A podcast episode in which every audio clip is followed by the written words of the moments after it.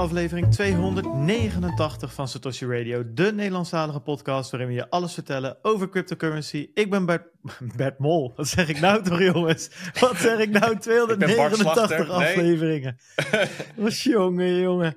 Nou goed, ik ben Bert Slachter. Ja, dat maakt me helemaal, weet je. Ik, ja, het is toch mijn droom om uiteindelijk te transformeren in jou, Bert. Je bent mijn grote voorbeeld. Nee, ik ben Bart Mol en ik ben hier met Bert en Peter Slachter. Goedemorgen. Goedemorgen Bart. Ja, het is ook wel vroeg nog hè? Het is vroeg, het is een uurtje eerder dan voor normaal. deze aflevering. Ja, ja, nou ja, goed. Ik ga gewoon door alsof er niks gebeurd is, jongens. Als je wil, laat dan vijf sterren achter op Spotify. Uh, like de video op YouTube. Uh, word daar uh, lid. Abonneer, zoals dat heet. We hebben meer dan 5000 subscribers. Op naar de 10.000. Um, let ook op, vul je seed nergens in. Let goed op scam-websites, let op scam-e-mailtjes, phishing. Wees er bewust van. Gebruik two-factor authentication. Wil je daar nou nog allemaal meer over weten, hoe je dat dan allemaal moet doen? Kijk dan even op laatje-niet-hackmaken.nl. Dat is een website vol met goede tips uh, rondom dit topic. Super interessant en bruikbaar voor crypto. En voor eigenlijk alles wat je op het digitale web doet. Dan hebben we natuurlijk onze hoofdsponsor Bitfavo. Dat is de grootste crypto-exchange van Nederland, waar je gemakkelijk en tegen lage kosten meer dan 200 digitale valuta kunt kopen, verkopen en bewaren. Bitfavo is geregistreerd bij de Nederlandse Bank um, ja, en handelt net als 1 miljoen andere klanten bij Bitfavo. Wil je dat doen? Kijk dan op bitfavo.nl en dan, uh, dan kom je vanzelf uh, goed terecht. Alright, laten we eens beginnen met de opening van deze week, jongens. We hebben een polletje, hadden we vorige week. Uh, wat hadden we ook alweer gezegd? We hadden gezegd, wat is de prijs van Bitcoin tijdens de volgende aflevering? Nou, Bert, trek maar eens even zo'n kaart uh, erbij. Uh, dan mag jij als, als judge, jury en executioner bepalen wat, wat de prijs is op dit moment. Dan ga ik even de antwoorden erbij, erbij pakken. Ja, ik ben wel benieuwd naar, wat waren de antwoordopties ook weer, Bart? onder de 40k, boven de 50k. En daartussen waren we iets uh, uh, gedetailleerder. Uh, tussen de 40 en 45 en tussen de 45 en 50. Poh, ja, wat dat betreft wel een hele interessante week achter de rug. Namelijk de koers die ging omlaag. Best wel heftig ook afgelopen ja. maandag, nacht, zondag op maandag. 2000 dollar in 10 minuten tijd. En, um, en dat ging dus nog even door ook daarna. We hadden, dat was echt een 10% red candle op een gegeven ja, moment. Ja joh, het laagste punt lag op, um, um, even kijken, 40.150. Dus je, je, had toen kunnen denken, wij gaan winnen als je onder de 40k had ingevuld. Ja. Maar ja, toen kwam Jerome Powell gisteren hè? En toen ging alles weer omhoog. Dus we zitten nu op 42.900 dollar. Oké, okay, nou dan, uh, ja, volgens mij zaten jullie dan ook goed met jullie laffe voorspelling. Ik zal mijn verlies nemen. Ik dacht, ja jongen, we gaan nu door boven die 50k. Geen enkel probleem. Ja, helaas. De Bulls waren niet uh, met mij. Hey, uh, nee, maar er waren 51,2% van de mensen die zei tussen de 40 en 45k. Uh, er was 131 stemmers. We hadden in totaal 200, ja, 260 stemmers. 256, best wel fors. Leuk worden gewoon, op een gegeven moment worden dat gewoon statistisch significante resultaten. Hè? Ik bedoel, ja, natuurlijk is ja. onze steekproef niet helemaal representatief, maar daar kijken we gewoon even overheen. Hè? We ja, Maurice puur... de Hond is er niks bij, joh. We Ik kunnen straks gewoon peilingen gaan doen. Maurice de Hond zou gewoon zeggen, dit is prima, genoeg man, en uh, we publiceren het gewoon, weet je wel.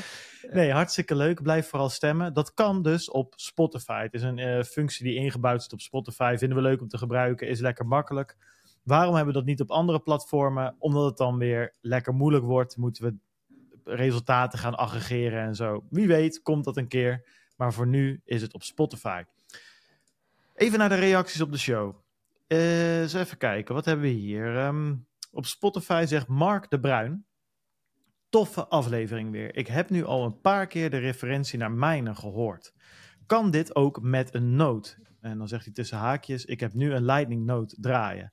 Nou, goede vraag, um, uh, Mark. Um, nee, dat kan niet met een node. Al heb je om te minen wel altijd een node nodig. Althans, als je het helemaal compleet, het complete pakketje zelf wil doen. Iemand moet een node hebben, laat ik het zo zeggen. En dat is meestal de mining pool, maar dat kan je ook uh, zelf doen als je niet bij een pool zit.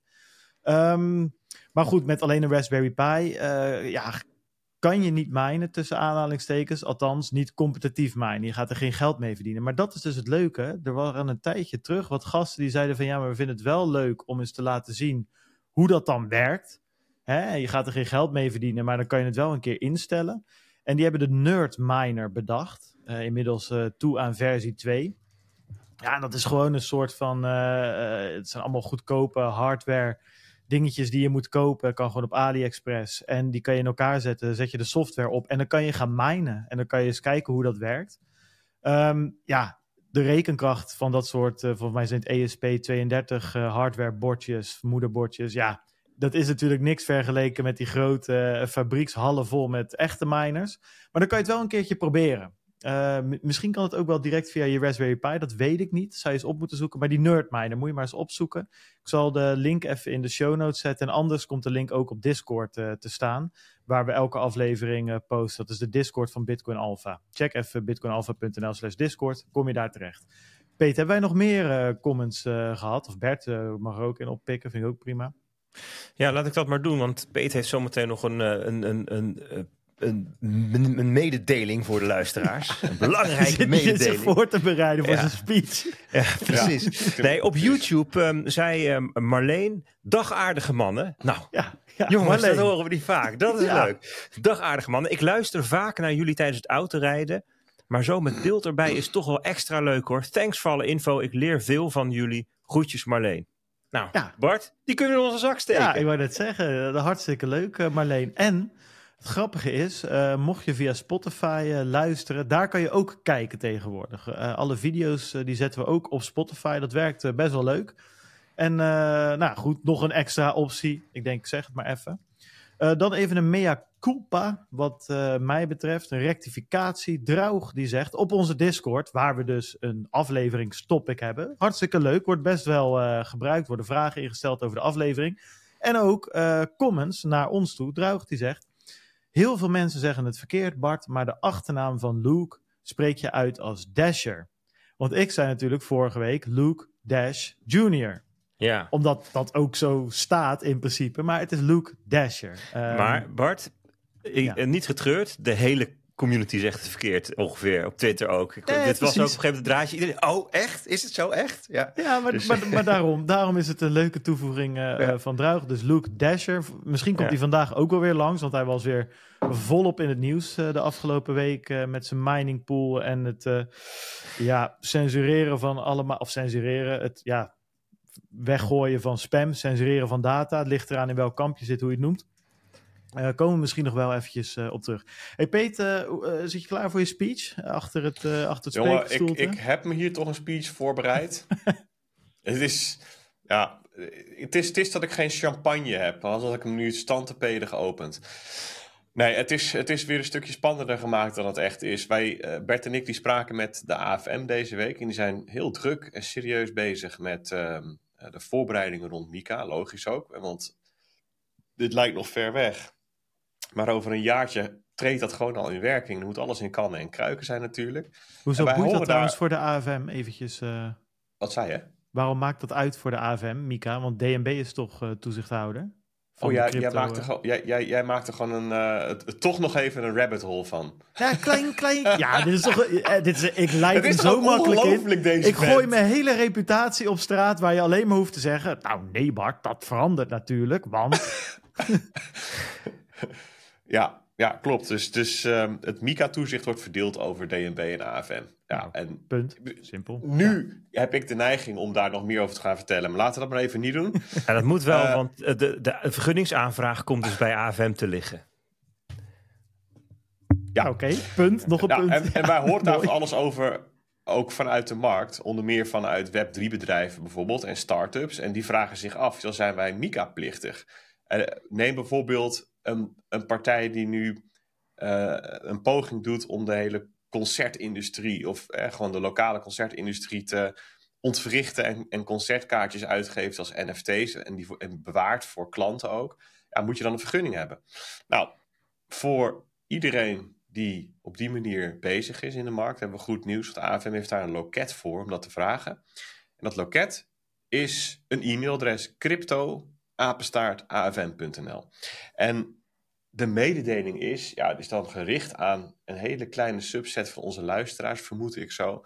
Uh, maar voor wie zich aangesproken voelt, is denk ik slim om niet te wachten tot na 30 december 2024 om daar eventjes um, een kaartje te trekken. Ja, helemaal eens. Goed verhaal. Ehm, en um, goede oproep, denk ik. Ja, met dat soort dingen moet je nooit. Het is net met, met je belasting. Het is niet handig om dat uh, aan het, uh, op het laatste moment te doen, zeg maar. Um, nee. Uh, of om het helemaal niet te doen. Dat is nog dommer. En dat geldt ook vaak zo met vergunningen en vergunningsaanvragen, dat soort dingen. Um, ja, jongens. Gaan we denk ik naar de bookmarks. We zijn hartstikke lekker op tijd. We gaan we rollen gewoon lekker door. We zijn goed op stoom. we moeten, ja, dit is helemaal top. Um, Bert, jij zei van tevoren, joh, ik, ik zou wel zes bookmarks kunnen doen. Dan geef ik hem gewoon als eerste aan jou. Uh, dan heb je alle tijd en dan passen wij ons daar lekker op aan. Ja, het, is, uh, het, was, het, het, was wel een weekje vandaag met allerlei uh, boeiende dingen. En um, ik pak eventjes mijn Discord erbij, want daar had ik al dingen opgeschreven hierover. Um, de, de, de baas van het IMF, Georg, Georgieva heet, ja. heet zij. Um, Kristalina Georgieva, om precies te zijn. Die gaf een speech um, op uh, 13 december, gisteren, in um, Zuid-Korea. En um, dat ging voor een flink deel over crypto. het ging ook over andere dingen wel, maar dus, uh, nou, ja, het was echt uh, crypto voor en crypto na. En dan zag ik, ho hoorde ik, las ik een aantal heel interessante, opvallende uitspraken in. om te beginnen zegt zij, eens even kijken, laten we eens even kijken waar we beginnen. Um, nou, dit is wel heel erg gaat over het verleden. En dan zegt ze, oh ja, um, om te beginnen zegt ze, crypto assets are not going away. Crypto gaat niet meer weg. Bitcoin, ja, het is alsof ze de marktupdate luistert. Bitcoin uh, trade nu op de hoogste waarde sinds april 2022. Hè, dus kijk naar de koers, zegt het, het hoogste sinds 2, april 2020. De crypto market cap is afgelopen jaar verdubbeld. En nog steeds zoeken mensen wereldwijd twintig keer zo vaak op het woord Bitcoin dan op health and wellness. ik weet niet. En ze zoeken zeven keer zo vaak op Bitcoin uh, dan op climate change. Ik denk dat het ook komt omdat ze dan twee woorden tussen aanhalingstekens zet. Zal wel. Maar goed, het is even, dit is haar beeld. En dan heeft ze het over crypto-adoptie. Ze zegt, dat is het hoogst, vooral in opkomende economieën. India, Nigeria, Vietnam. Chainalysis heeft het dan over. En ze zegt, we hebben ook een eigen studie gedaan in Brazilië. Voor elke 100 real die worden besteed aan um, uh, buitenlandse aandelen, gaan er ook 25 in crypto assets. Dus het is hartstikke populair. Ze zegt, crypto gaat niet meer weg. Um, en dat is interessant. Dat is um, uh, wel eventjes uh, gewoon uh, het zeggen ho hoe het is, zonder de doekjes om te winden. En dan gaat ze verder, zegt van ja, die hoge crypto-adoptie, die toenemende adoptie, die zou wel eens macrofinanciële stabiliteit kunnen ondermijnen. En dan heeft ze het over cryptoization. De cryptoization van de wereld. Het gebruik van crypto-assets in plaats van de munt van het land. Ja, dat zou wel eens de, ja, de monetary policy transmission kunnen ondermijnen. En dat is, hebben wij ook wel eens over gehad in marktupdates. Dat is de mate waarin het een centrale bank lukt om het monetair beleid daadwerkelijk de economie te laten beïnvloeden. Dat is wat je wil. Je doet, maakt monetair beleid, hoge rente, lage rente, noem maar op. En dan wil je dat dat uiteindelijk effect heeft op de economie. Nou, gaan het zo meteen over Jerome Powell hebben in de marktupdate. Gaan we het hierover hebben. En zij zegt, ja, als iedereen een andere munt gebruikt dan onze lokale munt, ja, dan heeft het iets van zin om monetair beleid te maken. Even kijken, volgens mij zegt ze dat. Um, zelfs letterlijk, oh ja. Um, what, what use is it to raise interest rates on a currency few people hold? ja, briljant. Als iedereen spaart in bitcoin, dan maakt het ook niet meer uit. Dan kan je de rente verhogen, weet je wel. Schitterend. Dus nou ja, dat, ik las dat ik denk, nou, dit is wel wat anders dan het Financiële Dagblad. Die blijft volharden in Ah nee, maar dat crypto is echt op weg naar irrelevantie. Nou, volgens IMF niet hoor. Die zegt het is zo relevant dat we het erover moeten hebben met elkaar. Bert, was dat niet met die Georgieva, die uh, inmiddels, ook inmiddels al een jaar geleden, dat die die staat mij bij als een, eentje die wel, ja, niet omdat ze nu uh, iets leuks over crypto zegt, maar die enigszins realistisch was. Had die niet zo. We zijn een stel kinderen die achter een bal aanrennen in plaats van uh, naar het grotere doel te kijken. Klopt. We vallen van crisis in crisis, Klopt. alleen maar korte termijn oplossingen. Dat staat ja, me nog bij zij, dat ze dat. Uh, zij, tegen zij, Powell zelfs, uh, dat ze aan tafel zat met die andere. Absoluut. En zij waarschuwde ook voor um, um, landen moeten uitkijken dat ze niet gassen en remmen tegelijk. Dat was in dezelfde periode, ja. dat, dat zei oktober vorig jaar. Ja, klopt. Ja, nee, en eh, in de coronatijd ook hoor. Toen nam zij best vaak, uh, zei ze best vaak dingen waar die, die niet bij iedereen per se uh, um, naar de mond praten, nee, zeg precies, maar. Ja. Goed, en dan gaat ze verder. Dus dit, dit, dit is even de categorie dat ik denk, ik lees, ik denk van nou, dit, zij vindt het in ieder geval blijkbaar wel heel relevant allemaal. En dan zegt ze, ja, er moeten ook regels komen. Natuurlijk moeten er regels komen. We zijn met elkaar bezig om regels te maken. Dat moet je wereldwijd doen. Want ja, mensen kunnen, uh, bedrijven, die kunnen met één klik naar een andere jurisdictie. Hè? Dus het heeft helemaal geen zin op de ene plek andere regels te maken op de andere. Dat moeten we met elkaar doen. Maar um, deze regels zijn niet bedoeld om terug te gaan naar een pre-crypto wereld. En ook niet om innovatie de kop in te drukken. Huh, dat zegt ze erbij. Want niet alles in crypto was fraude. Net zoals heus niet alles in de tijd van het Wilde Westen bestond uit boeven. Aha, dit is wel even een andere uh, toon dan die we bij DNB en uh, het Financiële Dagblad horen. Interessant. Oké, nou dan gaat ze verder. Ja, of in eh, Jelle natuurlijk, weet je wel. Gewoon überhaupt natuurlijk. De, de ja, of de Amerikaanse overheid. Ja. er zijn een paar, een paar kleine dorpjes in de wereld die nog dapper stand houden. Hè. Dat, is, dat is de democratische overheidsfactie in Amerika. Dat is in Europa de Nederlandse bank. en uh, weet je, daar heb je het ook wel gehad. Nee, maar goed, dan gaat zij verder. Want oké, je kunt wel makkelijk zeggen van ja, innovatie. En dan gaat ze daarna uitgebreid verder te vertellen wat voor innovatie dan. Dan zegt ze nou, wat er bijvoorbeeld nu gebeurt, is dat in de private sector. En we hebben het over banken, financiële instellingen. Die zijn bezig met het verkennen van crypto als infrastructuur blockchains die, waar je um, uh, digitale bezittingen op kunt vastleggen. Dat noemen we dan tokenization. Die kun je dan in een seconde naar de andere kant van de wereld sturen. Nee, ja, ze luistert echt naar Stoshi Radio, ik zweer het je. Maar dan zegt ze, en dan zegt ze van ja, I saw this with, my own eyes last month. Zij was vorige maand was ze in I Singapore. I heard it with my own ears on Satoshi Radio. Ik From Bird. From Bird. En ze zegt, ja, er, moeten, er zijn nog wel veel hordes te, te nemen. Hè, en er moeten nog, het moet nog van pilots naar productie. Maar dit is, oké, hier hier, hier wordt echt iets ontwricht. Hè. Dit is echt, kan dingen efficiënter maken. En ze zegt, oké, als we dat dan willen, dat is de privaatsector. Dan moeten we ook naar de publieke kant kijken. Publiek betekent hier overheid. Um, public infrastructure. Um, we kunnen deze adoptie niet voorspellen, maar we moeten er wel klaar voor zijn. En dan zegt ze: um, the blockchains I just described will, will need to be cheap, stable and trusted.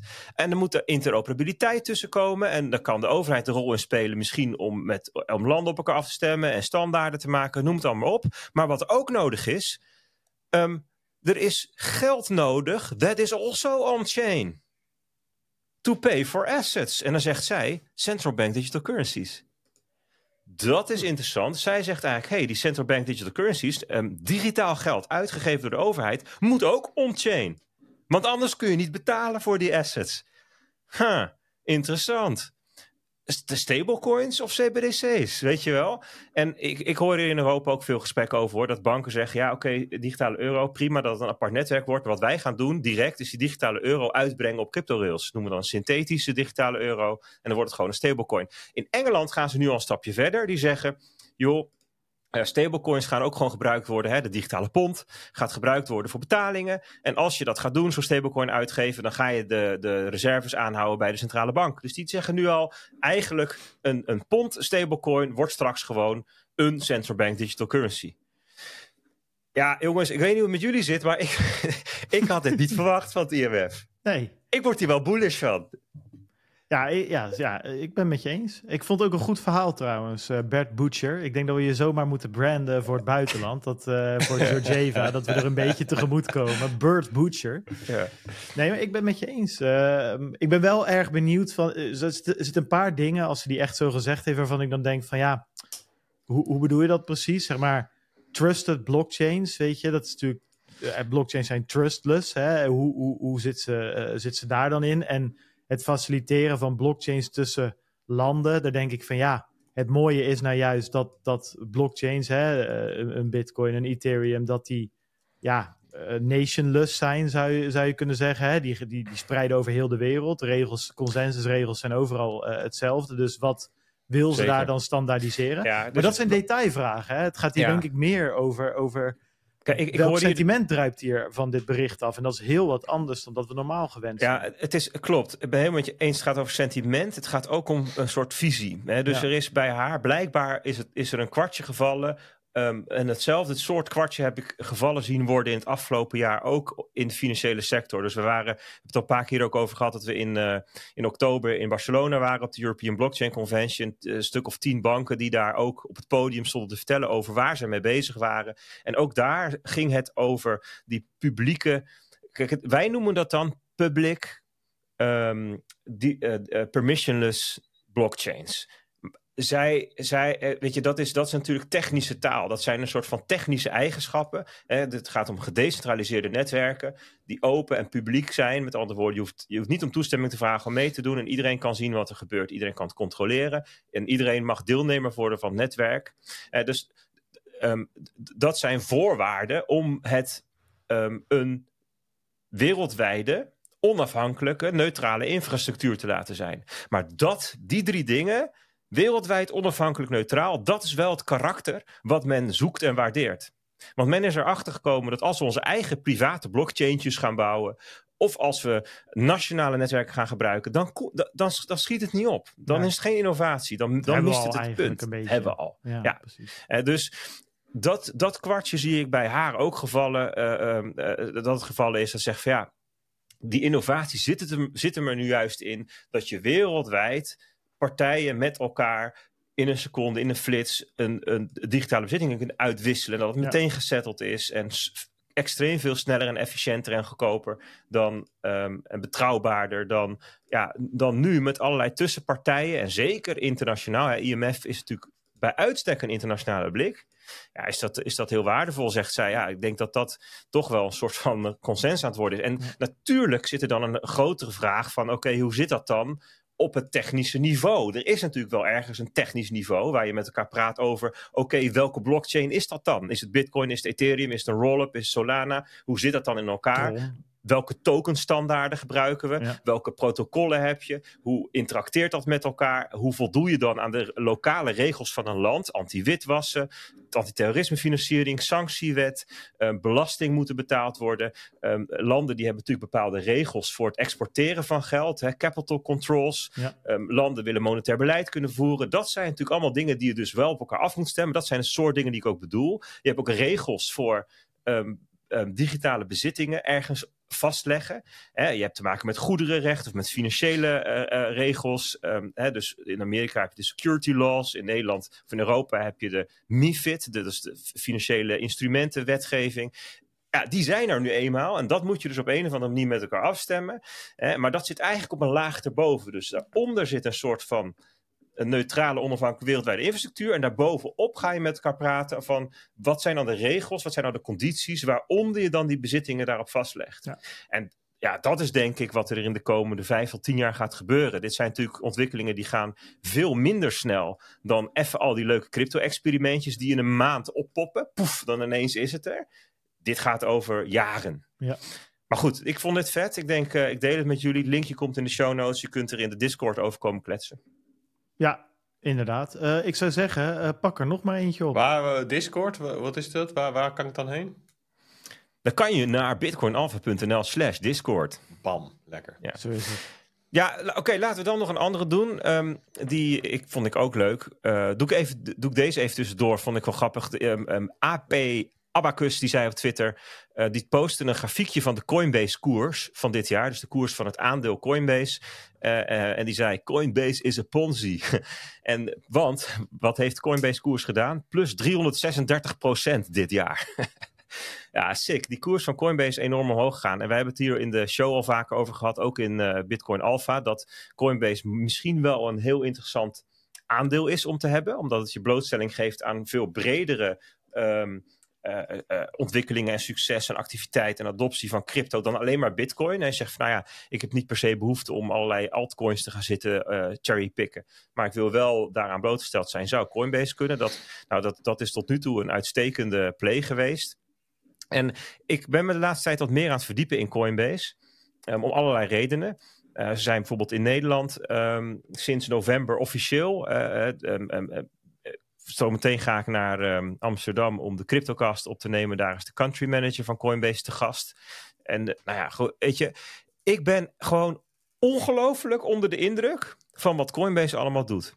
Hoe meer ik het... Ik, ik denk nu twintig uur podcast geluisterd erover. Ik heb allerlei mensen uh, uh, die daar werken, daar heb ik van gelezen, gezien wat ze doen. Het is zo ongelooflijk knap hoe zij al jaren aan dezelfde visie structureel, systematisch aan het bouwen zijn. En dat die dingen nu stuk voor stuk, ja, hoe zeg je dat in het Nederlands, to fruition komen. Ze komen tot bloei, ze komen tot wasdom. Het gaat werken. Ik vind het echt dat ze dat heel goed doen. En ik, ja, zij gaan gewoon ook Europa in. Dat is heel duidelijk. Ze zeggen, we gaan uh, MICA-licentie aanvragen in Ierland en daarna gaan we Europa in. En ik moet je zeggen, cryptobedrijven in Europa gaan hier een hele harde dobber aan krijgen.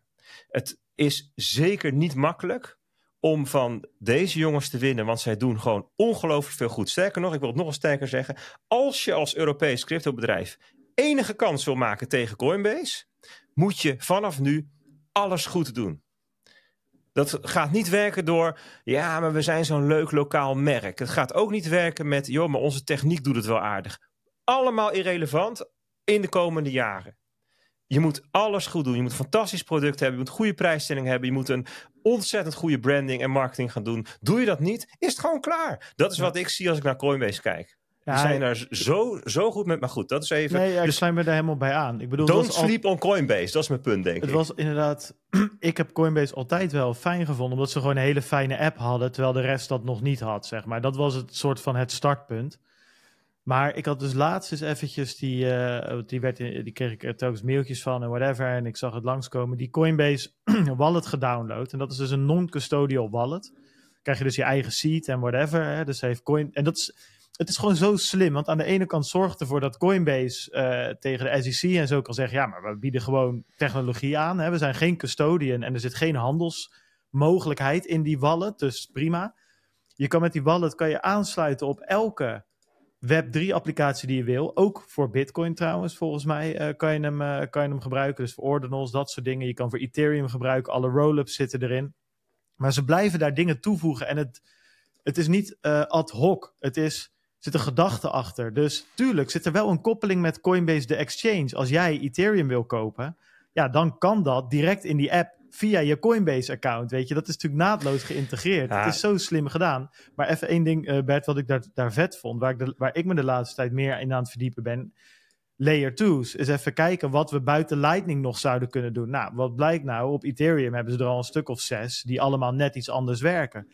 Allemaal geïntegreerd in die app. Je kan via Base kan je Ethereum kopen. Je kan via Optimism Ethereum kopen. Je kan via whatever, noem het allemaal maar op. Kan je Ethereum kopen. Of USDC, je kan het verzenden ja, het is wel vet dat ze dat. Ze zijn, ze zijn infrastructuur aan het bouwen, hè? niet alleen een exchange. Maar, het aardige vind ik dus, jij noemt nu een voorbeeld van die Coinbase Wallet. Ik vind het een fantastisch goed voorbeeld. Maar dit is dus één voorbeeld van al die dingen. Want zoals ze met Base bezig zijn. En daar gaan ze nu uh, real world assets op issuen. Dus zij gaan gewoon aandelen en obligaties worden gewoon uitgegeven op base. En dan zeggen ze, ja, maar dat moet wel KYC zijn. Dat zijn nou de regels van de security laws. Zeggen ze, ja, maar dat doen wij. Je kunt namelijk nu al bij Coinbase als klant een verifiable credential in je wallet stoppen vanuit Coinbase. Van, hoi, ik ben klant, ik kom uit Nederland.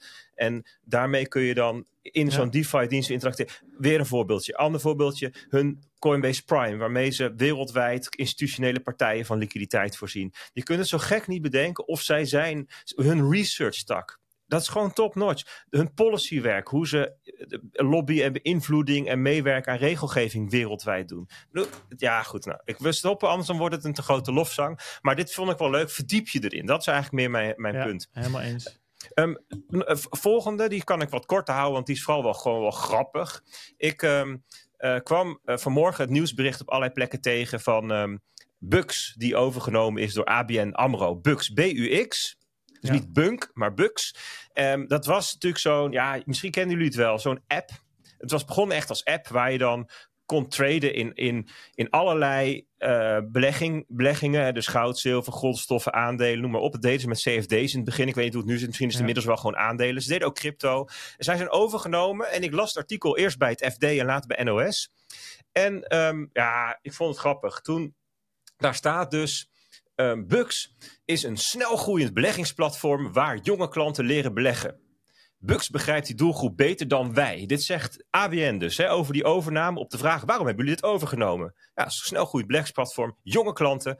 En Bux begrijpt die doelgroep beter dan wij. Lees ik bij het FD een quoteje van de CEO van Bux, die zegt over crypto. Crypto is een product dat resoneert bij nieuwe generaties. Wat doet vervolgens ABN? Met deze overname verdwijnt crypto van het platform. Dit is echt, je verzint het niet. De grappen schrijven zichzelf. Het is echt ongekend.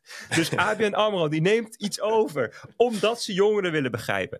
En dan vervolgens halen ze crypto weg. En dan waarom doen ze dat? Nou, het staat erbij, ja. Um, het is te complex. Het is te complex. Crypto is een te complex product. Nou ja, ik weet niet hoe het met jullie zit. Wij jongeren, ik heb ook zelfs kinderen, maar die, doen, die snappen dit in een seconde. Dit is echt zo. Ja, ik heb ook op Twitter had ik zo'n gifje van zo'n zo'n zo'n bejaarde vrouw. Die probeert een foto te maken, die dan ongeluk een foto van zichzelf maakt. Weet je al dat? Gewoon. Eh, er zit daar een of andere boemer zegt: oh, crypto is zo heel ingewikkeld, dat kunnen wij niet aanbieden. Maar oké, dit is allemaal even grappen maken erover. Maar wat natuurlijk echt het tragische is, en het FD zegt dat heel erg mooi. Er zal nog een ander element meespelen bij het stoppen met cryptovaluta. Het is een publiek geheim dat toezichthouder DNB niets in crypto ziet en extra kritisch kijkt naar financiële instellingen die zich ermee bezighouden. Ik zal hem voor jullie nog ietsje scherper maken. DNB zegt informeel tegen partijen: als jij je met crypto gaat bezighouden, dan komen we achter je aan. Dan vinden we wel iets om je, het je leven ongelooflijk lastig te maken. Dus dit is zeg maar ontmoedigingsbeleid. Um, alleen dan zonder afgehakte paardenkoppen in je bed. Dat is het enige wat nog ontbreekt. Het is haast mafioos. Maar goed, dat speelt er op de achtergrond. Ja. En het, wat ik er tragisch aan vind is...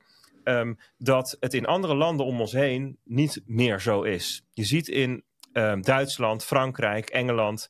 Uh, ga, verder, Spanje, eh, het, uh, idem. En aan de overkant van de plas, hè, we gaan het nog over BlackRock vast wel hebben een keertje. Maar banken zijn ermee bezig, gaan het aanbieden aan hun klanten. Um, we hebben Nederlandse cryptobedrijven. En er komen straks internationale cryptobedrijven, zeg maar fintechs. Je hebt Revolut bijvoorbeeld. Iedereen is op een of andere manier aan het bedenken: hoe breng ik crypto bij, mijn, bij, bij, bij de belegger? Doe ik dat op een complexe manier of een simpele manier? Doe ik dat met allerlei producten of met heel weinig? Er zijn allerlei varianten op. Alleen wie doen het niet? De Nederlandse banken, omdat DNB bullied, pest. En ik moet zeggen, ja, ik vind dat tragisch. Straks dan eh, zijn, het, ja, zijn we toch het is, het, het, het, is ook gewoon een van de weinig overgebleven pestkoppen van Europa. Ja. DNB zou gewoon eens even moeten kijken naar het schoolplein dat Europa heet. En zien dat eigenlijk alle pestkoppen al zijn afgedropen. In de spiegel hebben gekeken. En, en tot de conclusie zijn gekomen. Wat zijn wij eigenlijk vervelende mannetjes. Ja. Ja, DNB heeft gewoon een mening met een baard. Dat is het punt. Ja, maar één, één uh, stukje toevoeging. Um, Bucks Crypto was Blockport. Uh, dat was een ICO met een eigen token en weet ik het allemaal. Ik ben het helemaal met je eens, ik sluit me aan, maar een klein beetje achtergrond. Ik mhm. denk dat dit ook nog wel een stukje gekke legacy was, uh, wat niet mee heeft geholpen. Laat ik het zo zeggen. Het was een aangekocht stuk functionaliteit met, met wat gekke dingen die ze denk ik liever kwijt en rijk weet zijn. Je, weet je wat het is? Ik zal nog iets uh, zuurder maken. Uh, dan niet, niet richting DNB hoor, dat zou ook nog een stuk zuurder kunnen. Maar um, ABN AMRO is eigenlijk sinds de oprichting van Bugs investeerder geweest in die tent. Al, al vroeg. Dus die is daar, dit, is, dit is niet, um, dit, is, een hele logische stap. Want, wat je ook moet weten, is dat Bugs eigenlijk nooit winstgevend is geworden. Sterker nog, die zijn al tijden bezig met de tent overeind houden. Hoe, hè, hoe krijgen we dit winstgevend? Het is, het is eigenlijk verlieslatend geweest. Dus Eerlijk gezegd denk ik dat deze overname eerder een, een vlucht naar voren is geweest in de zin van um, voorkomen dat je die hele investering naar nul moet afschrijven um, en nog gebruiken wat er te gebruiken valt en, en levensvatbaar is. Uh, en dat is natuurlijk een heel ander verhaal dan wat er uh, ja, via de pers naar buiten komt en, en wat, wat de woordvoeringslijn is. Maar dit is denk ik hoe de vork in de steel zit. Nou ja, en dan is het dus ook logisch dat je het crypto-gedeelte niet overneemt. Want ja, weet je, ABN heeft die activiteit nu gewoon nog niet. Het is niet dat er een, een, een ontzettend winstgevend snoepje naar binnen kwam of zo. het, de crypto-tak van Bucks was ook gewoon onderdeel van het verlieslatende geheel. Ja, dus was, er is, er gewoon ongeveer nul reden om dat wel door te zetten. Precies. nog afgezien van een toezichthouder die ja, daar waar we genoeg over gezegd hebben. Inderdaad. Hey Peet, uh, ik zie bij jou een, een, veiling staan. Ik ben wel benieuwd uh, hoe dat zit. Want uh, volgens mij is er een en ander in de ordinals-wereld gebeurd. ja, zeker. Ja. ja. Ik zag een prijs, is dat toch? Ja, ja, zeker. Zal ik het zo doen? Nee. zeg het maar hoor. nee, doe maar niet. Nee, dat vinden alleen wij grappig volgens mij. Zelfs Bert kan er niet op lachen. nou, ik zie Bert toch al beginnen te, te, te lachen. en zegt dan achteraf, ja, ja, dat vinden alleen jullie grappig. Ja, ja. Uh, tweet van uh, Trevor Owens zag ik langskomen. Uh, dat is de man achter Bitcoin Frontier Fund en Ninja Alerts. Um, die schreef: The Sotheby's auction for Bitcoin shrooms just concluded.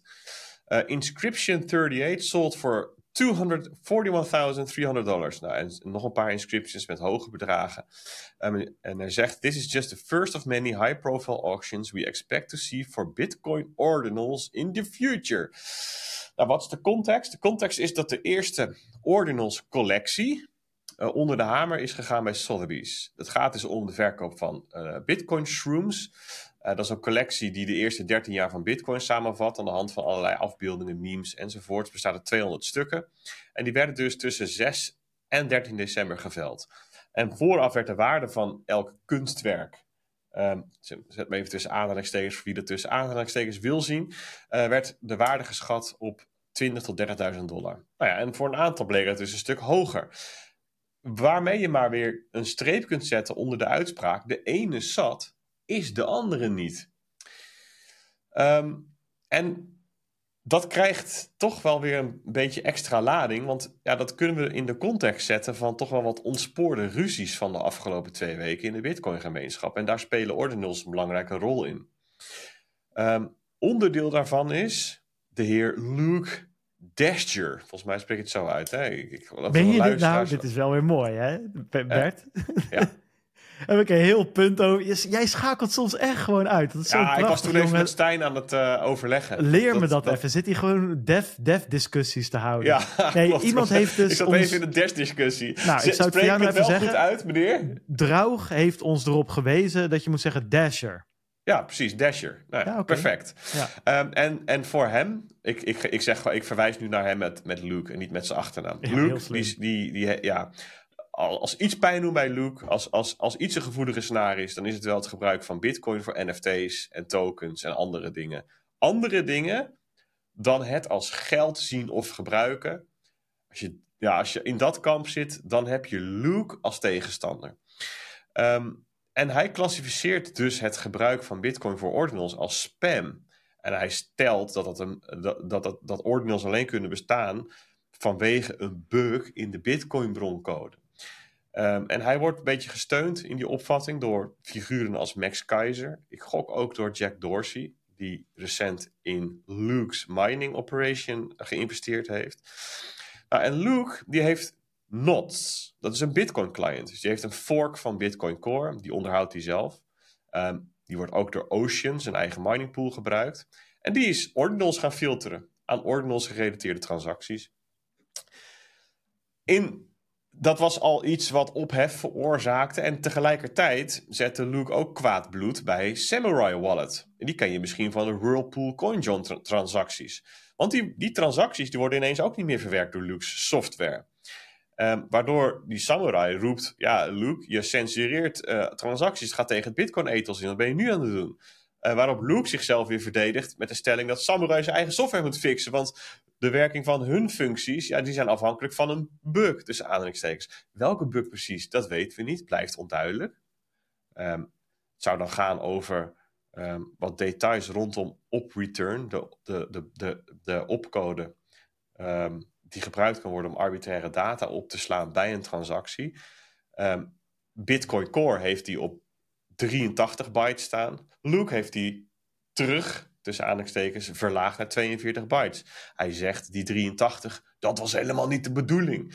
Nou ja, en daar zijn dan ook weer allerlei exegeses over en polemieken. En oh man, echt allemaal ruzies.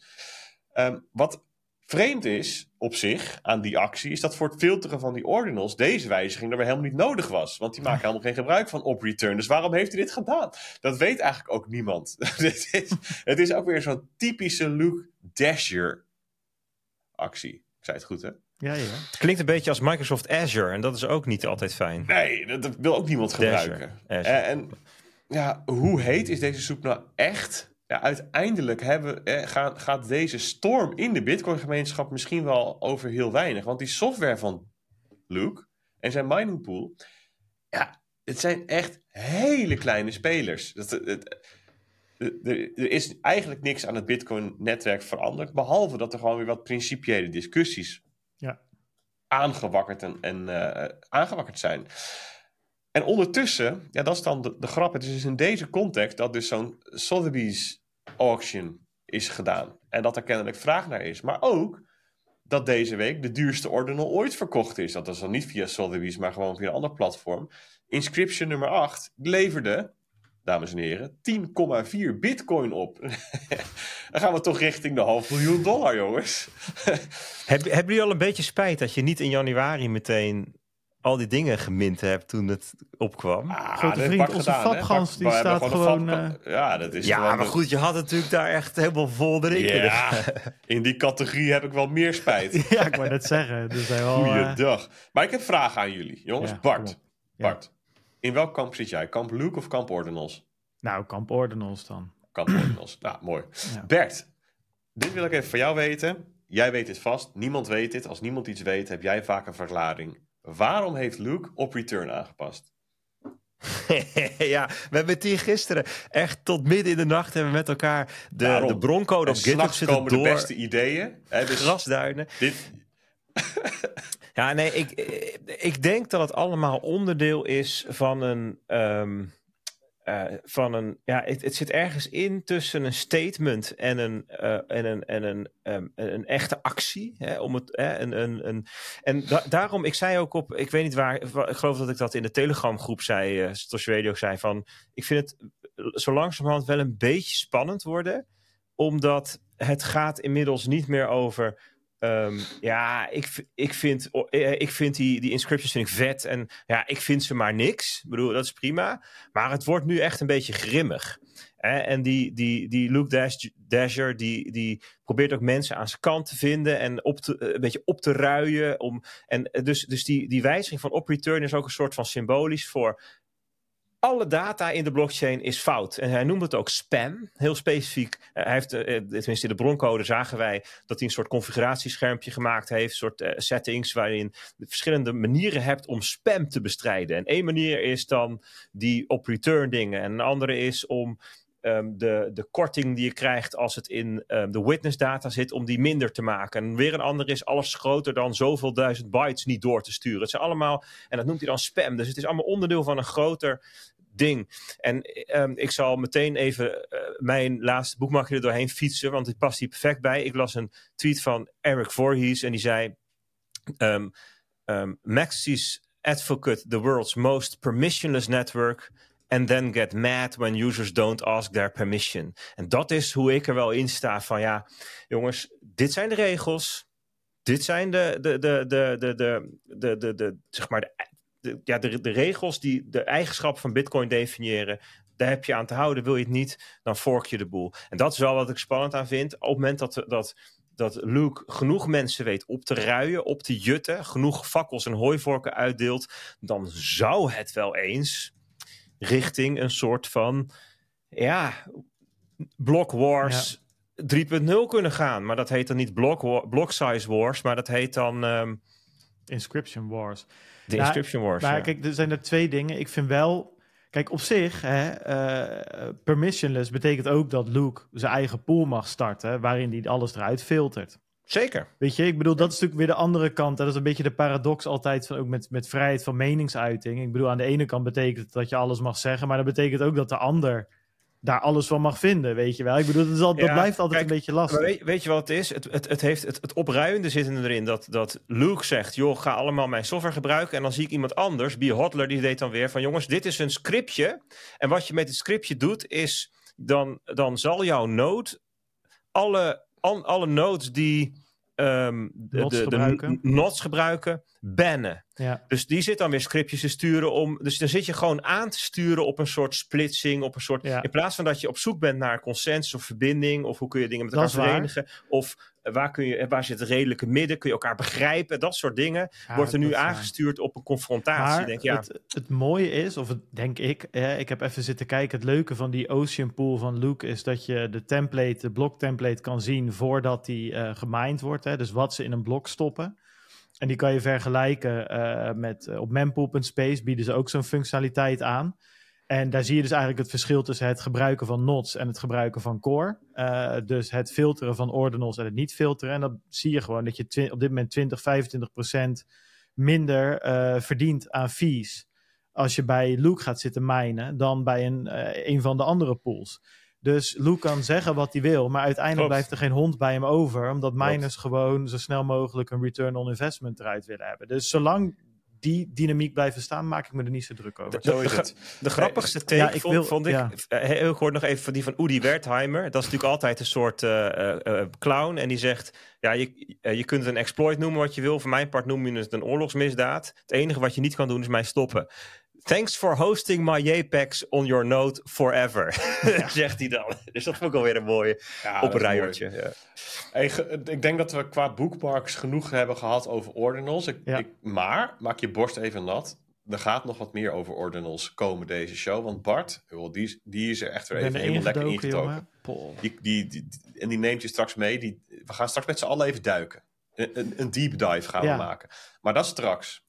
Ja, ik, zou, ik maak hem e- even, even af. Uh, ik ga het zo kort mogelijk houden. Wordt wel, ja, vond ik wel, uh, wordt een goede test. Nou, ik kom één ding tegen wat al bij mij langer in mijn hoofd zat. Vond ik gewoon interessant. Ik zal hem even voorlezen. Een tweet, een tweet, een tweet, een tweet van Chris Bakken maar wel een Amerikaanse, uh, Chris Becker of zo. Anyway, die zegt uh, eh, SBF watching Bitcoin rally 117% year to date, seeing FTX venture portfolio marked up 400% year to date, and hearing that every shitcoin he owned is up 4000% year to date, knowing if he could have kept the Ponzi running another few months, he'd be attending another Forbes 30 on the 30 party tonight instead of eating cold beans and cuddling with Bubbles, the guy doing 55 years from Cell 6B. Dus eigenlijk wat hij zegt, als Sam niet zijn faillissementspapieren uh, had getekend en het gewoon nog even de schijn op had kunnen houden, dan was het gat hè, met die uh, klantengoeden inmiddels wel zes keer gevuld, omdat we nu in een bullrun zitten waar alle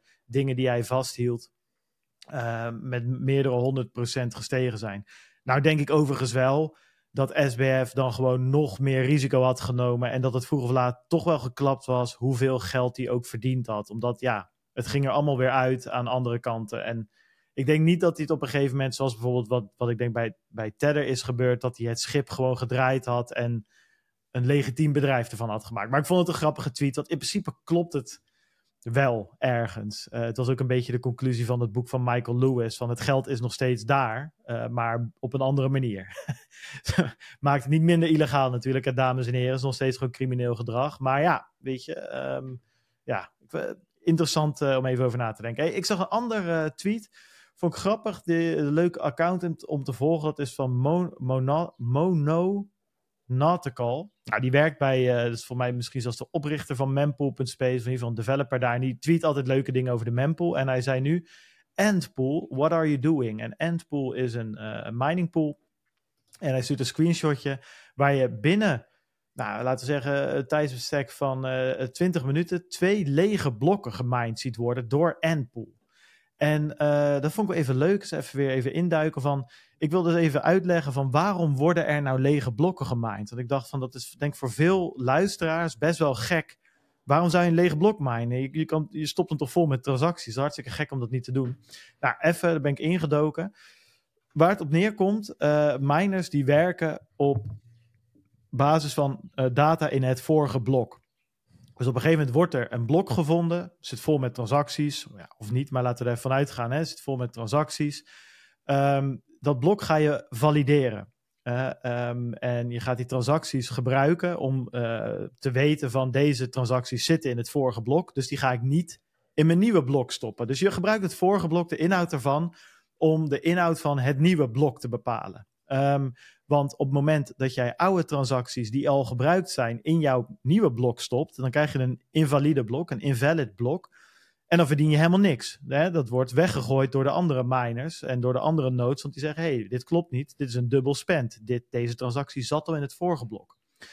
Het valideren van de, van de inhoud van dat blok wat binnen is gekomen, dat duurt een paar seconden. Laten we even zeggen vijf seconden. In die tijd uh, kan, je, kan je twee dingen doen. Of je zegt: ik doe niks. Ik wacht even totdat de inhoud van dat vorige blok gevalideerd is uh, door mij. En als het gevalideerd is, dan ga ik verder met minen. Nou, dat kan, maar dat is wel zonde, want er staan al die mining uh, hardware, al die computers, die staan zes seconden niks te doen. Dus wat doen eigenlijk vrijwel alle pools? Die zeggen, weet je wat wij doen? Ik geef gewoon uh, op basis van de blok header van het vorige blok, dus dat is eigenlijk de titel. Dus dan kijk je niet naar de inhoud, puur naar de titel. Ja, op basis daarvan die gooi ik in een template en ik zet er gewoon geen transacties in. En totdat we het blok gevalideerd hebben, dus de inhoud verder gevalideerd hebben, die vijf seconden, ga ik gewoon alvast minen op basis van een leeg blok eigenlijk. Want het mooie is natuurlijk, op het moment dat jij uh, geen transacties toevoegt, dan kan je ook geen invalide blok minen. Want ja, er zitten geen transacties in. De kans dat jij een dubbel spend toevoegt aan dat blok, dat je dus een invalide blok maakt, is nul. Nou, en zo nu en dan komt het dus eens voor dat in die vijf seconden dat er dan gemined wordt met een leeg blok template, uh, dat er daadwerkelijk een blok gevonden wordt. Dus je zal eigenlijk altijd zien, uh, kijk maar naar die lege blokken, die worden altijd vijf seconden, twee seconden, eigenlijk vrijwel direct op het vorige blok gevonden. Dus eigenlijk in die periode dat de mining pool alle transacties in het blok zit te bekijken, um, ja, wordt er wel eens een blok gevonden. En waarom doet zo'n mining pool dat? Ja, het is gewoon wel een valide blok. Nou, 6,25 bitcoin in de pocket. Ja, weet je, uh, die, die pak je dan maar even lekker mee. Dus er is een economische incentive om die vijf seconden gewoon dan maar lege blokken te minen. Uh, in plaats van het niet te doen. Uh, dat gaat natuurlijk wel veranderen op een gegeven moment als die bloksubsidie omlaag, omlaag, omlaag gaat. En het op een gegeven moment interessant wordt om blokken wel te vullen met transacties, omdat de fees hoger zijn dan de blok bloksubsidie. Dus dit gaat wel ooit een keer uh, veranderen. Nou, dat denk ik dus niet. Maar dat is even terzijde. Nou ja, goed. Laat ik zo zeggen, de incentive om hier een oplossing voor te zoeken. Hè, om, om, om, om dit proces beter te maken in plaats van maar een lege bloktemplate te mijnen, zou kunnen veranderen. Dat, dat ben ik met je eens. Alleen uh, het is niet zo dat als jij vijf seconden aan werk hebt gedaan, dat je dan dat werk, dat je dan zeg maar beter kan wachten, omdat je dat dat, omdat het dan afgaat van het andere werk. Dus op het moment dat je die vijf seconden werk hebt gedaan aan een leeg blok, dan zegt dat niets over de kans nee, dat, dat, je klopt. hem daarna nog vindt. Dat, dat is, dat is een soort van misvatting. Mensen die wel eens denken van ja, maar ik ben, dan ben ik al op weg met dit blok of zo. Maar het is niet een soort, nee. soort progress bar die je wel eens ziet van 0 naar 100. Het procentjes vollopen tot je een blok vindt. Nee, elke poging die je doet, elke seconde, begin je eigenlijk weer op nul. Ja. Dus ja, dit zullen ze altijd blijven doen. Alleen ik denk dat Bart zegt terecht, ze zullen het elke keer proberen slimmer te maken. Ja. Ja. Er zal steeds meer reden zijn om het slimmer te maken. En uh, even om, om, het cirkeltje weer rond te brengen. Wat hier wel grappig aan is, uh, dat screenshot uh, in de bookmark die ik heb. Ja, dat er in een kwartier twee empty blocks gevonden worden is vrij klein. Dus vandaar dat het even opgepikt werd op, op Twitter. Oké, okay, Bert, um, we gaan door. Uh, leuke bookmarks. Ja, ik vond leuke bookmarks. Iets langer uh, uh, dan gepland. Maar soms, soms gebeurt dat gewoon. Als je soms zijn ze gewoon lekker. Soms zijn ze gewoon lekker. wie ook lekker is, is onze. ja, weet. Je hebt alleen ja, wat korter voor je marktupdate, sorry. Ja, tijd voor de marktupdate. Nee, ik zag um, ook in de, in de Discord en ook in de Telegram. Um, maar vooral in de Discord, daar hebben we een marktkanaal namelijk. Daar werd toch wel wat gesproken van. Wat gaat Jerome Powell weer zeggen? Ik zit er klaar voor. Um, ja, dus ik dacht dat betekent dat Jerome Powell weer uh, iets gaat vertellen over rentes. Misschien, volgens mij, um, ja, is de grote vraag. Niet zozeer op dit moment hè, gaan ze omhoog of omlaag. Voor mij was iedereen terwijl overheen van tevoren zullen wel hetzelfde blijven. Maar meer van kunnen we iets eruit halen wat hij nou in de toekomst gaat doen. Klopt dat een beetje Bert of hoe heb jij ernaar gekeken? Ja, zo is het helemaal. De, de, de, Jerome Powell, als die spreekt, dan worden elke punt en elke komma wordt bekeken. Om te kijken, zit daar, zegt hij iets, zegt hij iets tussen de regels door wat belangrijk is. En kijk, we zijn een beetje aan het eind van de renteverhogingscyclus. Hè. Dus je hebt een periode van renteverhogingen achter elkaar. En op een gegeven moment dan eindigt dat. En dat, daar zitten we wel. Hè. Dat is wel gewoon. Iedereen had ook verwacht. De rente blijft nu gelijk. Het was wel heel gek geweest als hij nu toch nog een stapje verhoogd had. Hoewel dat bij de vorige keer nog heel duidelijk en expliciet op tafel lag. Ja, het zou maar zo kunnen dat we nog een stapje moeten doen, want de inflatie is echt nog niet onder controle. Dat was de, dat was de taal vorige keer. Sterker nog, op 1 december, dus hebben het over twee weken geleden, toen zei Jerome Powell nog: het zou prematuur zijn om te speculeren over ehm, eh, het verruimen van het beleid. Hè? Dus over, op renteverlagingen.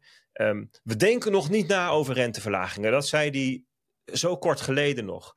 En ja, gisteren, toen kwam er ineens een heel andere toon. Ja, hij zei natuurlijk nog wel, we willen echt inflatie onder controle krijgen en we zullen niet stoppen tot dat gelukt is. Maar hij liet ook wel merken dat hij vond dat we toch echt wel heel lekker op weg waren. Hij zat zichzelf al een klein beetje schouderklopjes te geven. Hè? En um, ja, renteverlagingen waren gewoon een onderwerp van gesprek. Deze bijeenkomst, dat zei hij. Hè? Want even voor, voor jullie beeld, zo'n persconferentie die hij dan geeft, dat is het laatste, het einde, de afsluiting van een tweedaagse vergadering. Waarin uh, ja, een aantal commissieleden van de Federal Open Market Committee bij elkaar zijn om te praten met elkaar over monetair beleid. En eens op de, één op de twee keer praten ze ook over hun um, economische verwachtingen, hun economische vooruitzichten. Dat noemen ze dan economic projections. En daar maken ze ook een samenvatting van. En die heet dan, je raadt het nooit, de Summary of Economic Projections, de SEP. En die wordt dan ook gepubliceerd. Dat was, gisteren was er ook zo eentje. Dus gisteren um, uh, publiceerden ze ook dat pdfje. Kun je gewoon downloaden op de site. Waarin dan de verwachtingen staan van de Fed-commissarissen. En ik zeg het expres op deze manier, omdat er op verschillende vlakken ook um, zichtbaar wordt gemaakt hoe die verschillende um, personen, dat zijn eigenlijk allemaal weer directeuren van lokale Federal Reserve banken, want dat is hoe dat systeem is opgebouwd, hoe zij denken over de toekomst. En één daarvan is de dot plot. dat is een grafiek waar allemaal sterretjes of stipjes op staan. En die stipjes die, die vertegenwoordigen een één stem van één zo'n commissaris die zegt van nou, ik denk dat op, laten we zeggen, december 2024 de rente op dat niveau staat. En die plot heeft dus een bepaalde vorm, een bepaalde spreiding. Sommige mensen denken 4%, andere 2%. En zit al, dus dat, dat staat in die SEP. En dat, neemt, dat nam Jerome Powell gisteren dus mee. Van nou, ik heb hier de economische verwachtingen. Um, en, en, en, en hij zei daar wat dingen over, hij beantwoordde daar vragen over. En wat, uh, wat we konden zien is ten opzichte van de vorige keer dat die SEP erbij zat, dat was in september, dat um, de renteverwachting lager is geworden in 2024. Dus in plaats van twee stapjes omlaag, verwachten we nu gemiddeld drie omlaag of zoiets. Ik weet niet precies, uh, ik heb niet voor me, maar iets in die richting. En um, dat betekent eigenlijk, dat zou mijn uh, taxatie zijn, dat we, een, dat we gisteren het einde hebben gezien van higher for longer. Dat was de samenvatting altijd van het beleid van Jerome Powell. De rente moet hoger en hij moet langer hoog blijven dan je denkt of dan je lief is. vorig jaar, september, had hij het nog over. We moeten allemaal pijn lijden. Het gaat allemaal pijn doen. Die pijn moet de economie door. Het gaat pijn doen bij bedrijven, gaat pijn doen bij huishoudens enzovoort. En daar zette hij gisteren een punt achter. want wat hij eigenlijk zegt, we gaan nu naar een beleid toe waarbij we waarbij de, de rente de inflatie volgt. He, dus betekent eigenlijk dat we de reële rente constant willen houden. Reële rente, dat is de rente gecorrigeerd voor inflatie. Dus als de inflatie 3% is en de rente is 4%, dan is de reële rente 1%, want hij is 1% hoger. En um, uh, een positieve reële rente is in principe remmend en een negatieve reële rente is st sterk stimulerend. En, maar als die inflatie aan het dalen is, dan zou je de rente dus kunnen laten meedalen om de reële rente gelijk te houden. Dat is in principe het soft landing playbook. Je, dat zag je Alan Greenspan in 1995 ook doen. Hè? Na de renteverhoging in 94 begonnen. In 1995 eindigden die renteverhogingen. En in de loop van 95 of 96 of zo, toen liet hij die rente ietsjes meedalen. Omdat hij zag, nou, de inflatie die, die is aan het dalen. En nou, op die manier heeft hij een hele mooie soft landing geregeld. En wat betekent een soft landing? Dat betekent dat de inflatie bestreden wordt zonder dat de economie in een diepe recessie komt of in een recessie komt. Maar goed, vaak zegt men bij als die recessie heel mild is, vinden we ook nog wel een soft landing. Is een beetje, je hebt soms, soms als je landt als vlieg, met, uh, in het vliegtuig, dat je denkt van, poh, dit was wel heel erg soepel. En soms, nou, dan stuit je een beetje en zegt, oké, we zijn niet gecrashed, hè. We doen het ervoor. Geen applaus, maar we, we zijn wel veilig op. Uh, op... Ja, meestal, meestal of juist als wel je, applaus. Meestal als je stuitert en dan goed terecht komt, is er heel veel applaus. Ja, ja dat is ook Precies, zo. Ja. Dan, dan, dan, dan, is toch het beeld van: wow, deze piloot is wel een eindbaas hoor. Ja, tegenwoordig. Dus ik kan me zo voorstellen, als die economie een beetje schuddend tot stilstand komt. Nou, niet tot stilstand, op zijn beentjes. ja, op zijn. Deze analogie, ja, precies. Maar dan is, het, dan is er vooral applaus voor, voor ja. Ome, Ome Jerome. Maar goed, dit beeld is even hè, van oké, soft landing. Dus ik ga, ik ga die, die rente volgend jaar een beetje laten meedalen met de inflatie. En als we dan kijken naar de inflatieverwachtingen. En uh, nou, dan krijg je dus eigenlijk een ander playbook, een ander plan. Als je dat doet, dan kan quantitative tightening wel doorgaan. Dat is even, even een klein zijpaadje is dit. Hè, want we hebben natuurlijk, als je het hebt over monetair beleid, in het verleden dan had je en de rente omlaag en en QE, hè, quantitative easing. Dus opkoopprogramma's van de, van de Centrale Bank. Die twee samen vormden dan het, het ruime monetair beleid van de, de tien jaar voor, uh, voor 2022, meer nog. En um, daarbij zei men eigenlijk QE, uh, uh, dat, dat is een soort Um, dat kun je een soort van uitwisselen met, met, uh, met lage rente. Dus de rente die wil je niet lager doen dan 0% of ietsjes onder 0, min een half. Dat is echt ondergrens, want daaronder ontstaan er allerlei hele rare effecten. Maar je kunt eigenlijk nog lager gaan dan die 0,5% door QE te doen. En noemen ze dan de shadow rate. Dan kun je uitrekenen dat wij in Europa bijvoorbeeld min 4% hebben gehad. Eigenlijk een soort van, als je dat zou omrekenen. Um, nu gaan we dus de rente wat verlagen in 2024 is het idee. Maar je kunt wel tegelijkertijd toch quantitative tightening aanhouden, zegt Jerome Powell. Want we hebben overtollige staatsobligaties in de markt gepompt. In 2021 zo ongelooflijk veel staatsobligaties in de markt uh, gebracht. Dat daar is gewoon over. En die, wat er over is, dat is gaan zitten in een heel bijzonder stukje van het financiële systeem. Eh, dat heet de reverse repo ja, gaan we nu niet helemaal uitleggen hoe het werkt. Alleen je zou kunnen zeggen, zolang die reverse repo dat daar, dat daar heel veel in zit, heel veel obligaties in zitten, dan is dat eigenlijk over. Dat is eigenlijk overtollige uh, liquiditeit, zou je kunnen zeggen. En die is al sinds ja, uh, eind 2022, denk ik al, al anderhalf jaar aan het dalen of zo. Hè? Dus van 2,4 biljoen inmiddels naar 0,8 biljoen of 800 miljard. Die kan nog best, dat mag, dat mag wel leeg, zegt Paul. Dat gaan we lekker leeg trekken.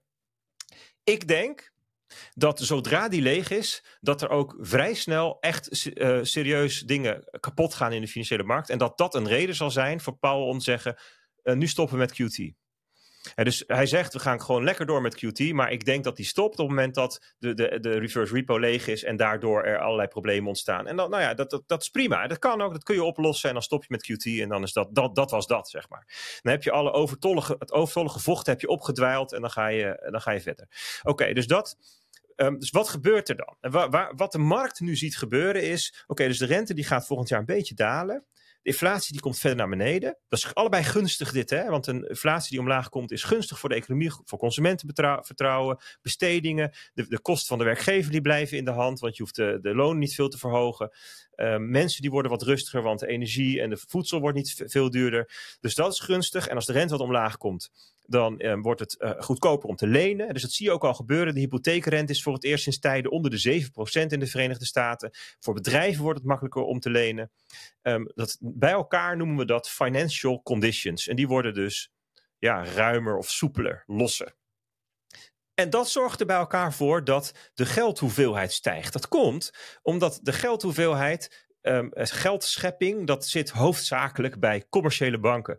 Er ontstaat geld als jij leent.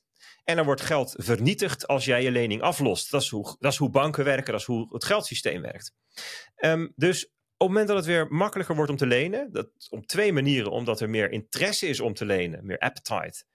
En omdat het goedkoper is om te lenen, zal er meer geleend worden. En dat betekent dat de geldhoeveelheid weer gaat groeien. Nou, we hebben wel eens vaker gezegd dat het, de groei van de geldhoeveelheid, ja, daar is wel een bepaalde um, verband daartussen, tussen die groei van de geldhoeveelheid en uh, um, ja, risicobeleggingen.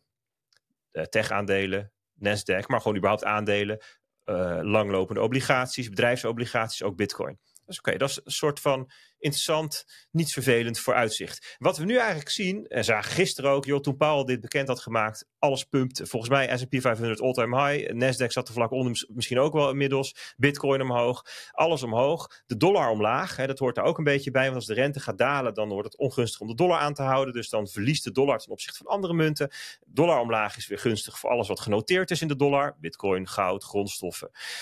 Zagen we allemaal gebeuren gisteren. Ik denk dat de markt ietsjes te enthousiast is. Dat de markt iets te veel op de feiten vooruit loopt. Ehm, en dat is interessant. Wat je eigenlijk altijd wel ziet, is dat de markt de feitelijke financial conditions bepaalt. En want Jerome Powell die kan wat zeggen, maar het enige wat hij kan bepalen is de rente met een looptijd van, één, van, van nul, nul dagen. het, zijn, uh, het, zijn, het is de overnight rente. Het is één nacht. Die rente bepaalt hij. En alle looptijden die langer zijn, zeven dagen, twee weken, een maand, eh, drie maanden, zes maanden, een jaar. Dat, dat bepaalt de markt. Ja, de markt die zegt, ha, mag allemaal omlaag die rente. Dat zie je nu gebeuren. Hè? Dus met andere woorden, obligaties worden gekocht. En dat zorgt er weer voor dat het goedkoop wordt om te lenen. Dat zorgt er weer voor dat eh, bedrijven gestimuleerd enzovoort. Het hele positieve spiraal. Je zag dat trouwens ook um, uh, in 2021 dus in november, december 2021, dat was het punt dat de centrale banken wereldwijd met Jerome Powell als voorman um, tot conclusie kwamen: oh, wacht, de inflatie is toch niet tijdelijk. Hè? Dat was daarvoor was het inflation is transitory. Dat waait wel over. Lagarde heeft zich toen nog eens um, uh, vereeuwigd met de uitspraak: It's just a little hump. Het is een klein bultje. En daarna is het weer weg. Joh, doe niet zo moeilijk. Zeur niet zo. En toen in november... In due course, hè, hoor je daar ook nog bij. ja, ja, ja, ja, uh, precies. En in, in, in, november, december, dat was een beetje het punt. Zeiden, oké, we moeten toch ingrijpen. en, en, in, en in maart ging pas de rente voor het eerst omhoog. Maar eigenlijk direct op dat moment zei de markt al... oké, jij gaat in de toekomst ingrijpen. Dan gaan wij dat nu al verwerken in de prijzen. De markets, zeggen ze dan, markets are forward looking. De markten die kijken de toekomst en die verwerken de verwachting van toekomstige gebeurtenissen in het heden.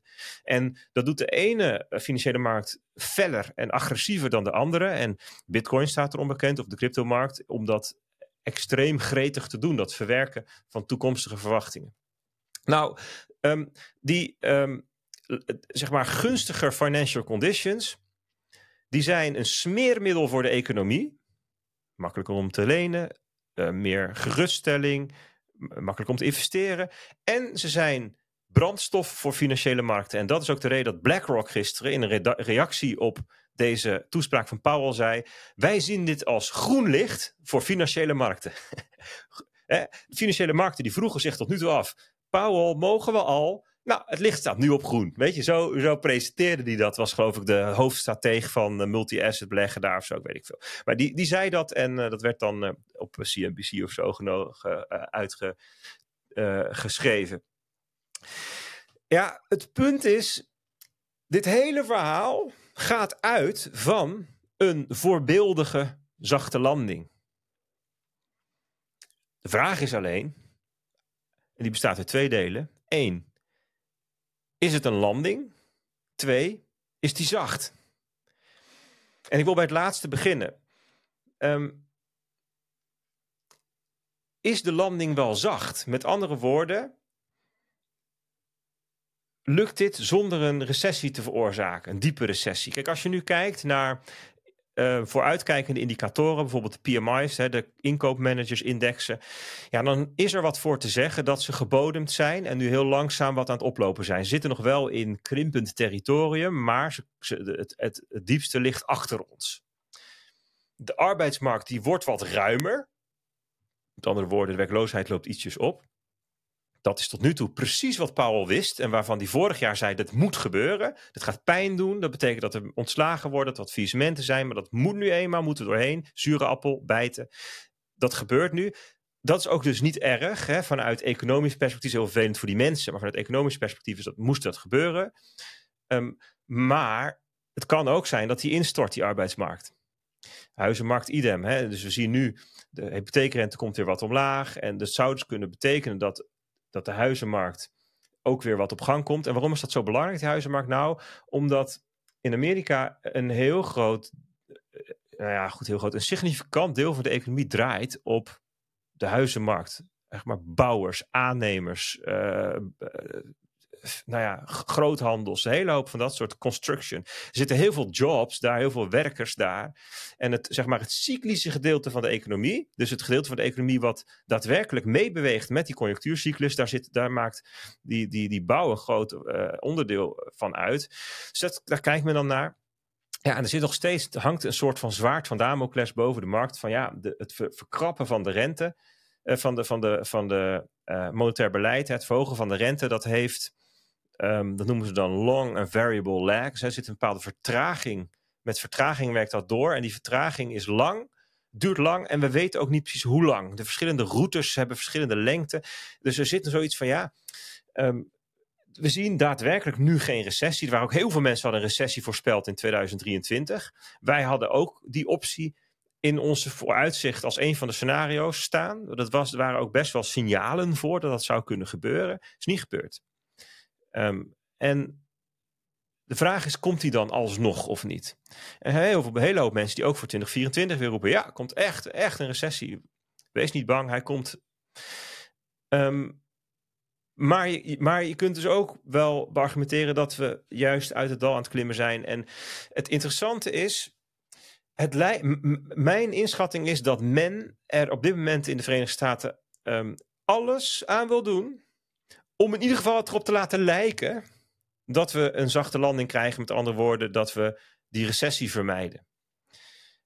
uit de categorie, ja, we, weten wel dat de patiënt koorts heeft, maar we douwen er een paar paracetamolletjes in en we zeggen, ga het podium maar op, weet je zo. waarom? Presidentsverkiezingen. Die zijn namelijk in november volgend jaar en er is, het is de huidige regering er ongelooflijk veel aan gelegen om ervoor te zorgen dat uh, het lijkt alsof de Biden-regering voor een blakende economie heeft gezorgd. Trump, die stuurt nu al tweets en filmpjes de wereld in. Met als ik word gekozen, dan zal de economie tot bloei komen. Ja, weet je, dit wordt wel, de economie wordt wel een verkiezingsthema. Dus het, het, het is voor voor hij de huidige trouwens ook weer uh, filmpjes uh, de wereld in waarin hij zijn NFT-collectie probeert te verkopen. Ja, klopt, ja. ja. Trump heeft niet één verkiezingsthema. Nee, ja. precies. En maar dus, dus dit is interessant. Dus de vraag was ook een beetje al voor, voor, voor, voor, um, um, voorafgaand uh, aan, aan, aan de speech van Powell. Wie is er nu de baas? Is dat Janet Yellen of is dat Jerome Powell? Janet Yellen in de ene hoek, Powell in de andere hoek. 3, 2, 1, fight. En de vraag is, is, minister is van Financiën versus... de baas van de centrale bank. Ja, ja precies. En Janet Yellen die vertegenwoordigt dus de regering. En zij zei toevallig een dag voordat Powell het podium op moest in de media. Ja, we are likely to reach inflation in 2% range at the end of 2024. Dus we zijn heel goed op weg. Die inflatie is onder controle, zegt zij. Geen idee. Hè? Mensen zeiden ook, um, wie heeft haar centrale bankdirecteur gemaakt? Uh, wat is hier aan de hand? Is het um, uh, Janet Powell geworden? Of waarom bemoeit ze zich met zijn uh, monetair beleid? Ze zegt ook, er is geen enkele reden voor beleggers om zenuwachtig te zijn over de schuld van de Verenigde Staten. Dat, dit soort uitspraken doet ze. En belangrijkste uitspraak, um, als in, op, um, naarmate de inflatie omlaag komt, zouden ook zou ook de rente mee omlaag moeten bewegen. Omdat de reële rente anders omhoog zou gaan en dat zou de financial conditions krapper kunnen maken. Dit zei zij. Eergisteren. Dus zij heeft eigenlijk, en eigenlijk zegt ze naar mij tegen Paul, um, dit, is het, dit is de lijn die je aanhoudt en anders dan ga je tegen me in en choose what's best for you. En blijkbaar, eh, ja, mijn, mijn analyse is, uh, Yellen is in charge en Powell heeft die lijn gevolgd. Ah, interessant. Oké, dus stel dat we er even van uitgaan. Ik ben bijna klaar. Uh, overigens, jongens, je zit vast ook mee te kijken. 20 minuten. Maar um, um, 2024 krijgen we het vast voor elkaar. Geloof ik best om die economie um, in leven te houden. En je stimuleert wat. Powell die doet rustig aan met zijn monetair beleid. Um, je stimuleert een hele hoop vanuit de overheid. Dat gebeurt nu al. Fiscal stimuleren. En uh, oké, dus, uh, dus groen licht voor de financiële markten. Allemaal leuk naar de verkiezingen toe. Maar dan, dan moeten we het hebben over 2025. Want als je dat doet, dan zou het maar zo kunnen zijn dat die inflatie weer gaat stijgen. Ze hadden het over, een, krijgen we een soft landing? Dat bestaat uit twee vragen. A, uh, wordt die soft, we het net even over, en B, wordt een landing. Op het moment dat de inflatie helemaal niet naar 2% gaat en weer gaat stijgen, dan hebben we helemaal geen landing. Dan is het wel hartstikke soft, hartstikke goed hoor. De economie is een leven, maar de inflatie is niet bestreden. En dat is een hele reële kans. Het gebeurde in 1970 ook, gebeurde in de jaren 40 ook. Dat je twee golven van inflatie had. Je bestrijdt, je denkt, tada, opgelost, poef, tweede golf. Ja, dat is niet gek dat dat dan gaat gebeuren in 2025. En dan is de vraag, wat ga je dan doen? Want dan staat de rente al op 4 of 5 procent ergens in die regio. En je krijgt inflatie. Wat zijn dan nog je opties? En dan is de economie misschien oververhit aan te raken. Oké, dus dan zou je kunnen zeggen: prima, dan doe het nog wat krapper. Maar waar ga je dan, hoe ga je dan landen? Ja, dat wordt een interessante vraag. Dus ja, ik ben het wel eens met de mensen die zeggen: joh, er zijn allerlei signalen dat de enorme boelmarkt die we achter de rug hebben in risk assets. Kijk maar eens naar de grafiek van de Nasdaq of van uh, de SP 500. echt, echt bizar, ook Bitcoin natuurlijk. Hè kijk eens wat voor enorme lange periode van stijgende koersen. Eh, kijk eens naar de huizenprijzen enzovoort. We achter de rug hebben. Dat moet een keer eindigen. De schulden zijn niet houdbaar. Ehm, je kunt maar zoveel heroïne of wat is cocaïne in de patiënt spuiten voordat hij op een gegeven moment houdt het op, weet je wel. En daar ben ik het mee eens. En er zijn ook best wel signalen die erop wijzen van ja, ehm, het is allemaal niet zo mooi als Powell en Jellen het zeggen. Maar het zou maar zo kunnen dat de kater pas over twee jaar komt. En dat we nu eerst een periode ingaan van één, twee jaar, waarin het dak weer van de markten geblazen wordt. en als ik hoor hoe Powell nu in de wedstrijd zit, dan zeg je, joh, volgend jaar gaan we de rente rustig wat verlagen. We krijgen een zachte landing. Met andere woorden, hij geeft ruimte aan de economie en aan de uh, financiële markten. En als ik kijk naar hoe Yellen in de wedstrijd zit, en dan pak er eventjes bij het het, het, het, de discussie, het discours, de, de debat wat ontstaat in de verkiezingen tussen, tussen Trump en Biden. Ja, zou het mij niet verbazen dat we, uh, als we inderdaad volgend jaar een rally krijgen in risk assets. Ja, zoals de Engelsen dan zeggen. That, that, that, that melts your face off. Waar je gezicht van je hoofd afsmelt. En gewoon een verdieping bovenop de boelmarkt die we al hebben. Ja, die crash. Die komt gegarandeerd een keer. Hè? Alleen, ja, ik zeg ook wel eens, er zijn mensen die van de afgelopen drie crashes er honderd voorspeld hebben. Ja, dat is een beetje het probleem. Als je maar lang genoeg zegt dat de crash komt, je krijgt vanzelf een keer gelijk. Alleen de vraag is, hoe lang moet je het zeggen voordat je gelijk krijgt? En ja, er is best een case te maken dat we 2024 ingaan met macro-economische omstandigheden, met omstandigheden op de financiële markten, die ja, bijzonder gunstig zijn. Ja, en doe daar dan bij wat ETF's van BlackRock en een, en, een, en een narratief over een halving en noem het maar op. Ja, dan zou het best eens kunnen zijn dat de vorige boelmarkt in retrospect een hele slappe was. Dat zou kunnen. Hè? Want de vorige boelmarkt was helemaal niet een hele perfecte omstandigheden. Ja, er werd wel veel geld de wereld in gepompt. Maar er was in 2021 ook ongelooflijk veel onzekerheid. En depressie. Als je kijkt naar de consumentenvertrouwen, de pandemie, let wel, in 2021, we hadden het over, vorige week over Tesla in februari 2021. Toen hadden we in Nederland lockdowns, hè? Dat was toen.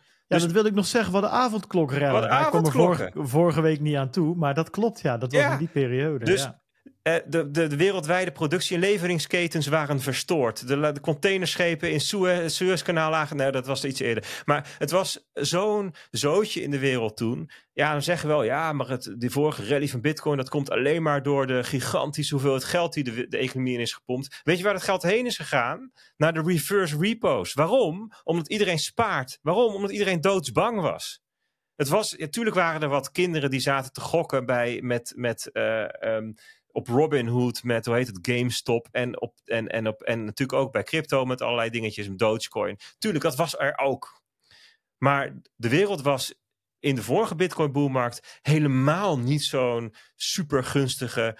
Uh, um, alle remmen kunnen los, alle lichten staan op groen omstandigheid. Dus wat dat betreft, nou ja, um, om, om maar, kijk, we zeggen altijd in principe, in beginsel, hè, met de volwassen wordende uh, beleggingscategorie zijn de boelmarkten worden steeds ietsjes minder spectaculair. Ik denk dat dat in beginsel waar is.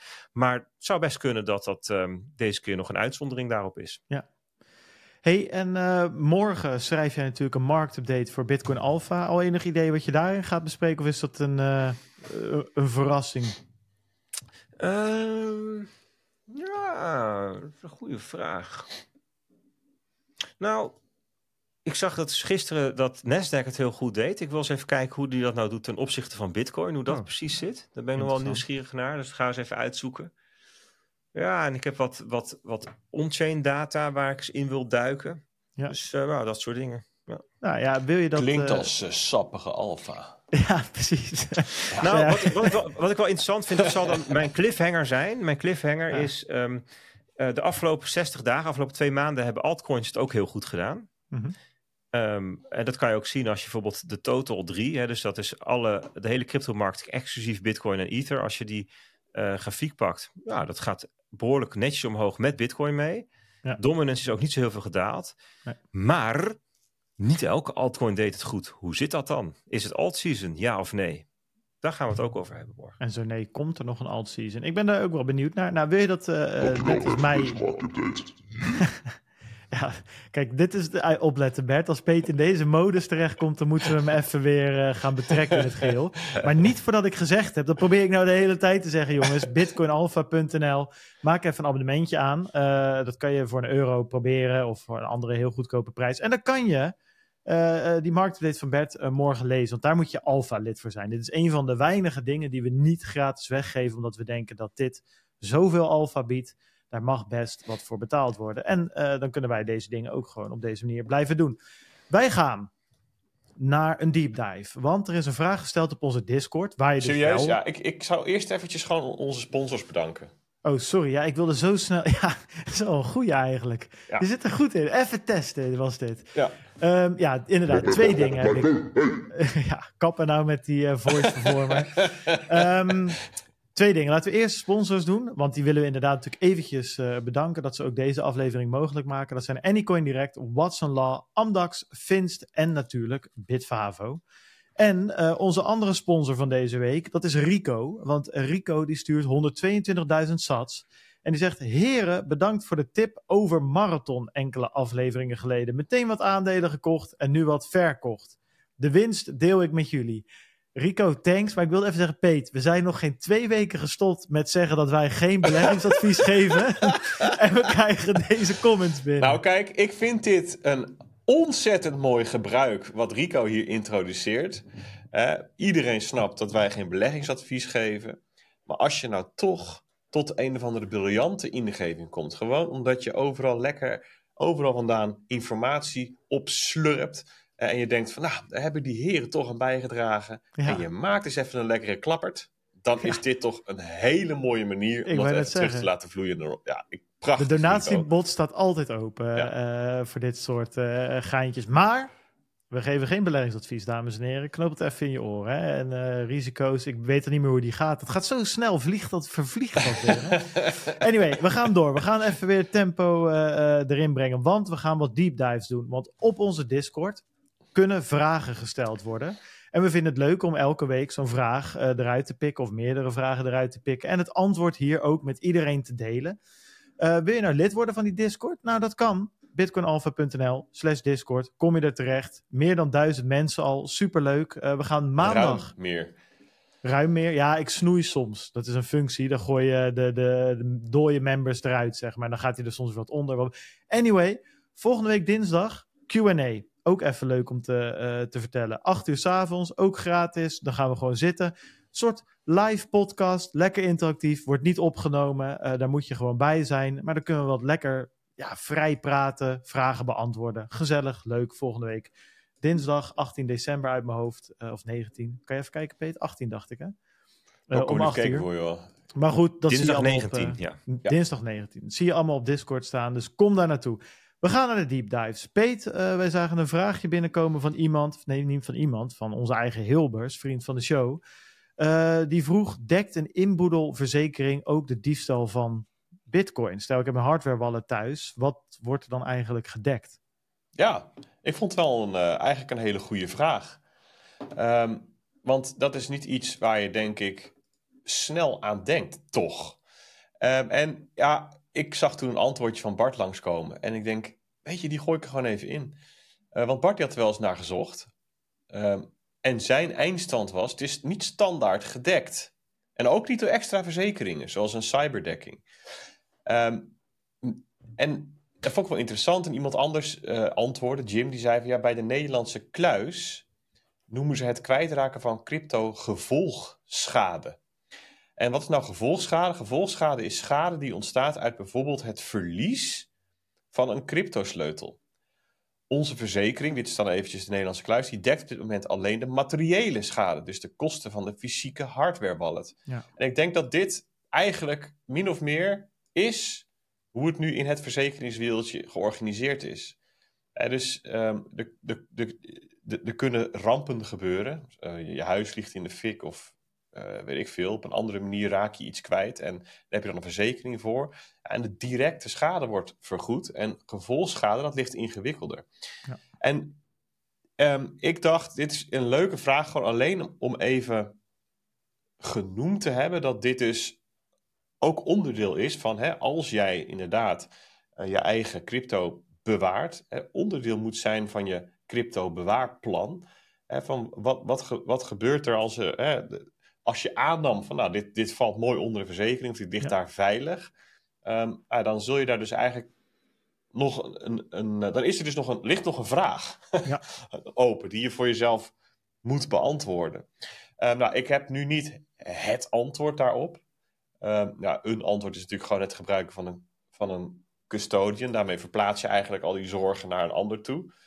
Um, maar ik denk eigenlijk dat je nergens, uh, dat je nergens, of je nou kiest voor self-custody of, of, of voor een custodian, um, dat je nergens daadwerkelijk zekerheid hebt dat als er iets gebeurt, je je volledige bewaarde bedrag weer terugkrijgt. Er is niet zoiets als een uh, deposito-garantiestelsel.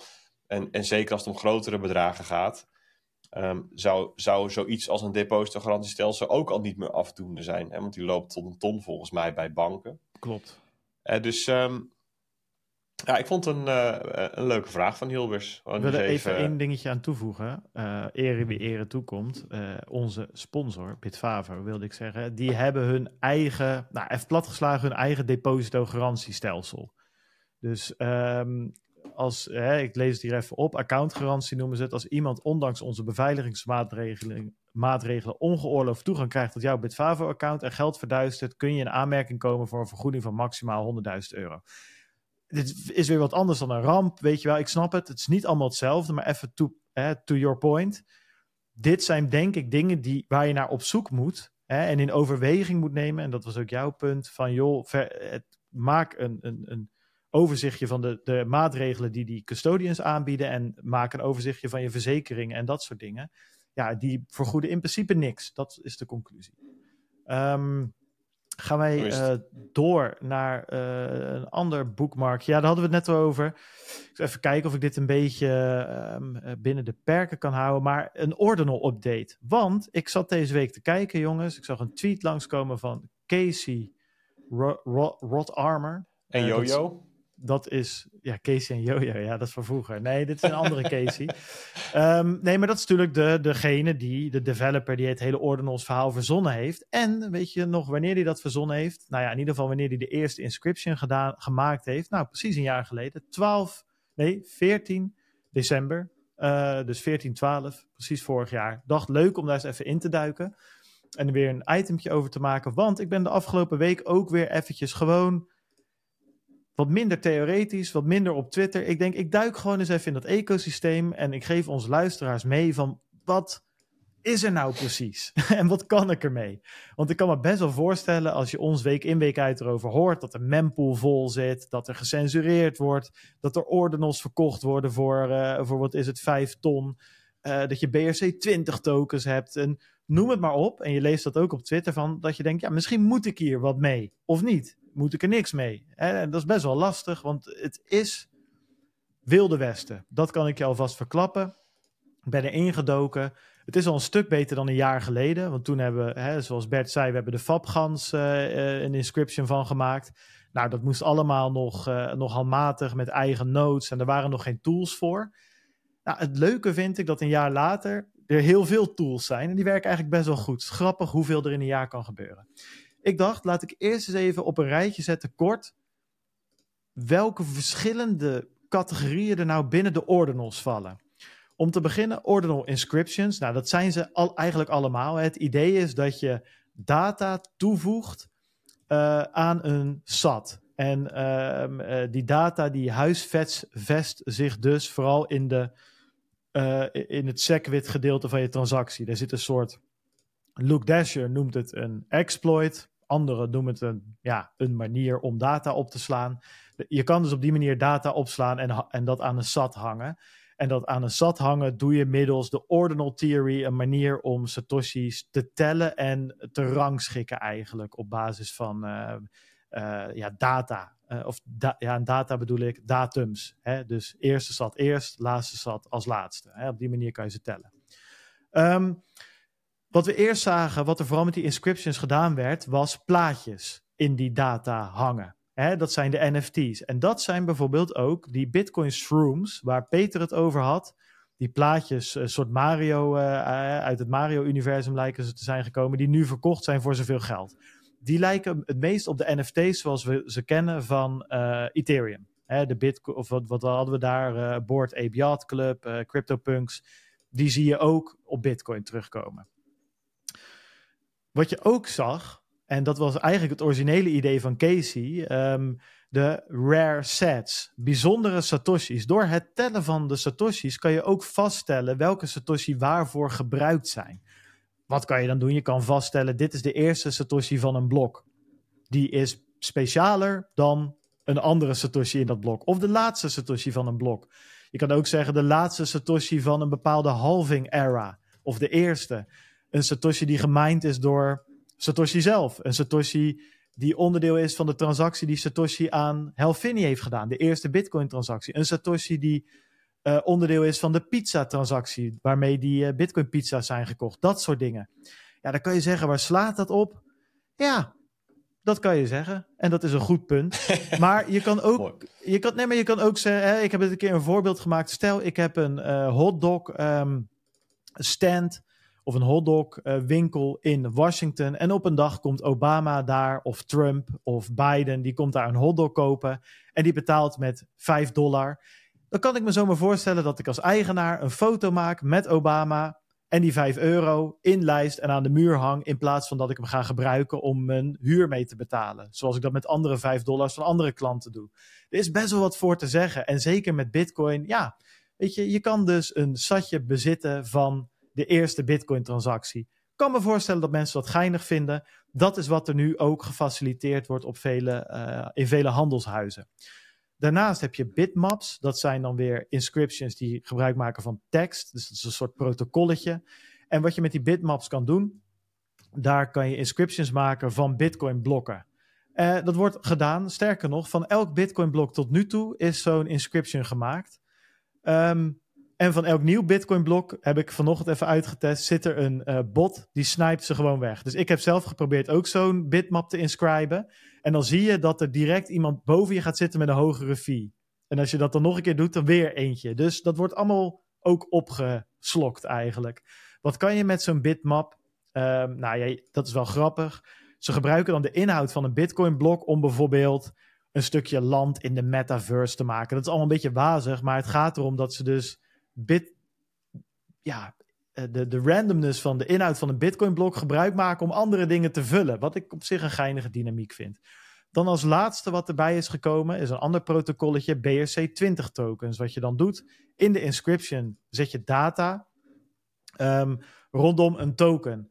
En dat uh, kan een de, uh, in eerste instantie deploy je een token, daarna wordt die gemint en daarna kan je hem verplaatsen dat zorgt de afgelopen maanden voor heel veel Bitcoin-transacties. Omdat dat gewoon, ja, eigenlijk zorgt het voor de mogelijkheid om meme tokens, meme coins te maken op het uh, Bitcoin-netwerk. Um, en dat is bijvoorbeeld de eerste Ordi, het Ordi-token, heeft inmiddels, uh, wordt verhandeld op Binance en OKX, dat zijn de twee grootste die het doen, meer dan een miljard market cap. Weet je, dat is wel significant handelsvolume en zo. Kan je voor de rest vinden wat je wil, maar het is wel weer een datapunt van uh, mensen zijn hier blijkbaar in geïnteresseerd. Dat is even het, het speelveld op dit moment. Dat zijn de grootste dingen die er gebeuren. Wat vind ik er positief aan? Nou, bijvoorbeeld bij het minten van al deze ongein maakt eigenlijk iedereen wel kans. Uh, Zo'n BRC20 token, niemand heeft daar voordeel. Er zijn geen pre-sales. Het is namelijk zo'n karig tokenprotocol dat, dat iedereen daarmee te dealen heeft met, met, met hoe karig het is. Je kan zo weinig. Dus er was bijvoorbeeld een uh, DeFi-protocol die een token wilde maken. Juggernaut heette dat. En mensen zagen, hè, die kondigden op Twitter aan, we gaan een token maken. Toen zag je direct daarna dat gewoon iedereen maar gewoon ging uh, gokken hoe dat token ging heten.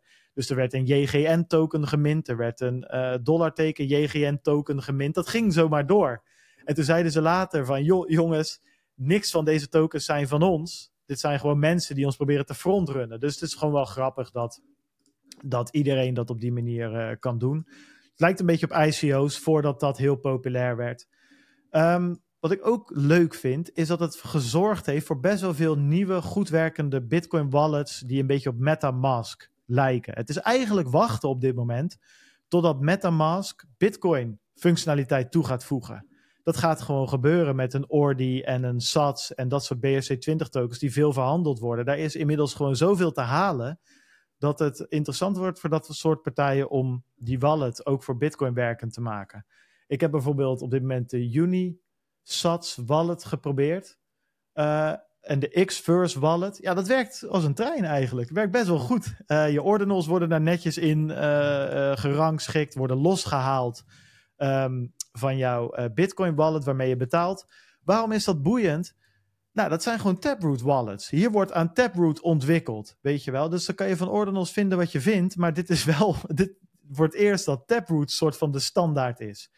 Um, datzelfde geldt voor best wel veel goed werkende exchanges rondom ordinals.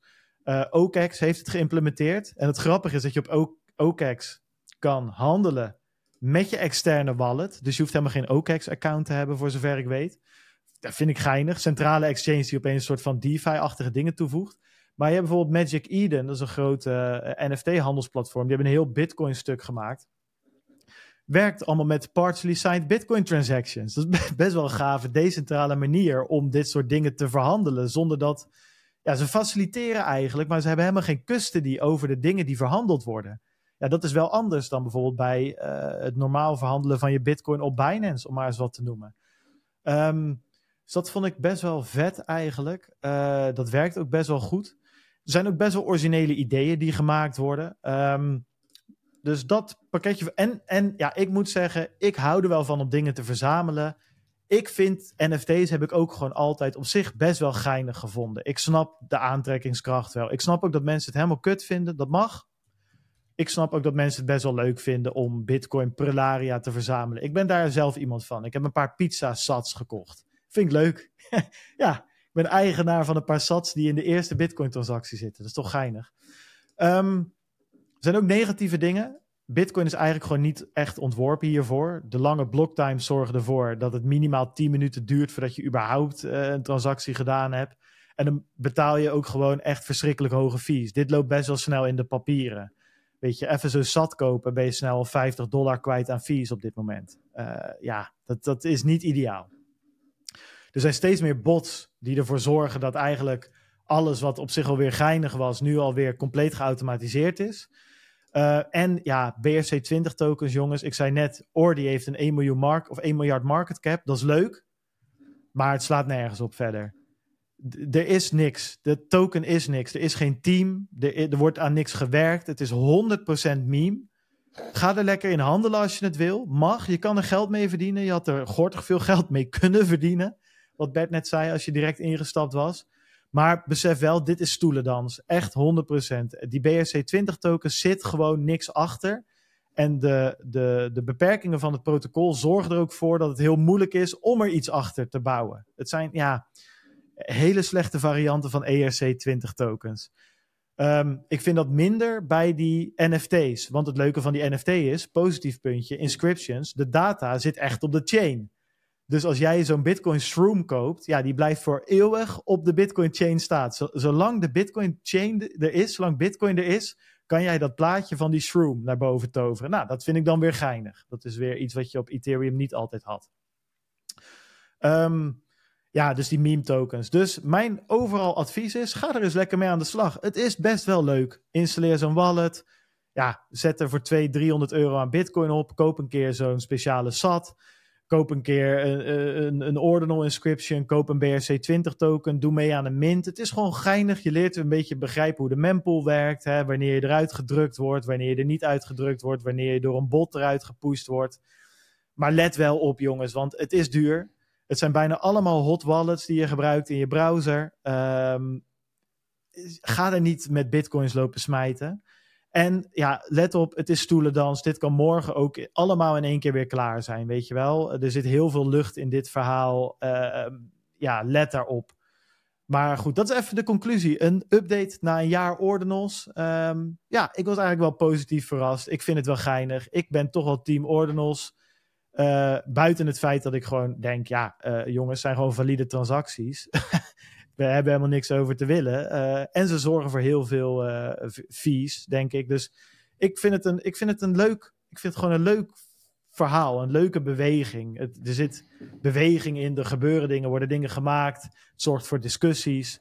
Het zorgt ervoor dat vastgeroeste denkbeelden losgetrokken worden. Ik hou daarvan. Dus dat was even mijn deep dive into ordinals. Leuke deep dive, eh, Bart. Thanks. Uh, ja. ja. 13 minuutjes zie ik. Nou, dat valt me reuze mee. Uh, ik, ik, heb mijn, uh, ik heb mijn best gedaan, jongens. Ik zit even te denken. Peet, ik, ik vind dit, jij bent altijd een goede bul wat dit betreft. Over wat betreft Kill Your Darlings en dat soort dingen. Wat, wat zeg jij? Hmm. Um, ik vind het mooi geweest. Ja. Ja. Sluit, sluiten we ons daarbij aan, Bert? Ja, nou, ik bedoel, ik, ik ga niet tegen Peter in. Ik moet nog met die jongen samenwerken. Maar, de is ook ligt er al af, geweest. We hebben ook best wel wat nieuwtjes zo uh, ja, nee, behandeld. Dus, uh, ja, en anders dan uh, lees je maandag de, de, de Alpha News maar. Ik bedoel, ja, ja. zo is het ook. Ja, Daar staat het allemaal in. Staat het allemaal in. En natuurlijk, wat we al een paar keer gezegd hebben, kom gezellig in die Discord, want er zijn dit soort dingen allemaal te bespreken. Uh, daar dumpen we alle linkjes. Uh, daar wordt de aflevering neergezet en daar kunnen vragen gesteld worden. En wat ik zei, dat kan dus ook in de QA die we daar houden. Ja, ik zou zeggen, ja, ik vind het echt heel erg leuk worden. Ik wilde dat sowieso nog tegen jullie zeggen, jongens, dus bij deze. Maar die, die community is echt heel erg lachen. Ik zie daar gewoon hele leuke marktvragen aan Bert. Uh, andere vragen pakken, pakken Peet en ik op. Ja, het is gewoon geinig, weet je. En er worden leuke vragen gesteld. De leuke sfeer hangt er. Het is lekker on-topic. Uh, veel crypto-gerelateerde dingen. Het zorgt ervoor dat wij ze nu en dan weer even... Ook bijvoorbeeld met die ordinals. Het was ook weer getriggerd door vragen vanuit de community. Dat we daar weer even induiken. Even de voetjes in de blubber. Uh, voeten in de modder. Ja, uh, weet je, even de handen vies maken. Leuk. Dus iedereen die gejoind is, thanks. Iedereen die nog wil joinen, het is gratis. bitcoinalpha.nl slash discord. Alright. Um, nou, dan wil ik bij deze nog even iedereen bedanken voor het luisteren, zoals elke week. Jullie twee, Bert en Peter, wil ik even bedanken voor de fantastische inbreng. Leuke verhalen, goede marktupdates en uh, ja, ook leuk, weet je. Ik denk deze, deze opzet bevalt me ook goed. Ik zit gewoon heerlijk in mijn vel, ah, jongens. Misschien, misschien is dat het wel. Dat is toch dat fijn? Is, dat is goed om te horen, sowieso. Ja, toch. Zo is het. Oh. Vind je de podcast leuk? Join onze Telegram groep, volg ons op Twitter en dus join die Discord. Alles kan je vinden op stashradio.nl en bitcoinalpha.nl slash Discord. En um, ja, dan uh, zien we jullie volgende week terug voor aflevering 290 alweer. We komen steeds dichter bij die wow. 300, jongens. Wauw. Tot volgende week. Dank voor het luisteren. En tot ziens. Later. Adios.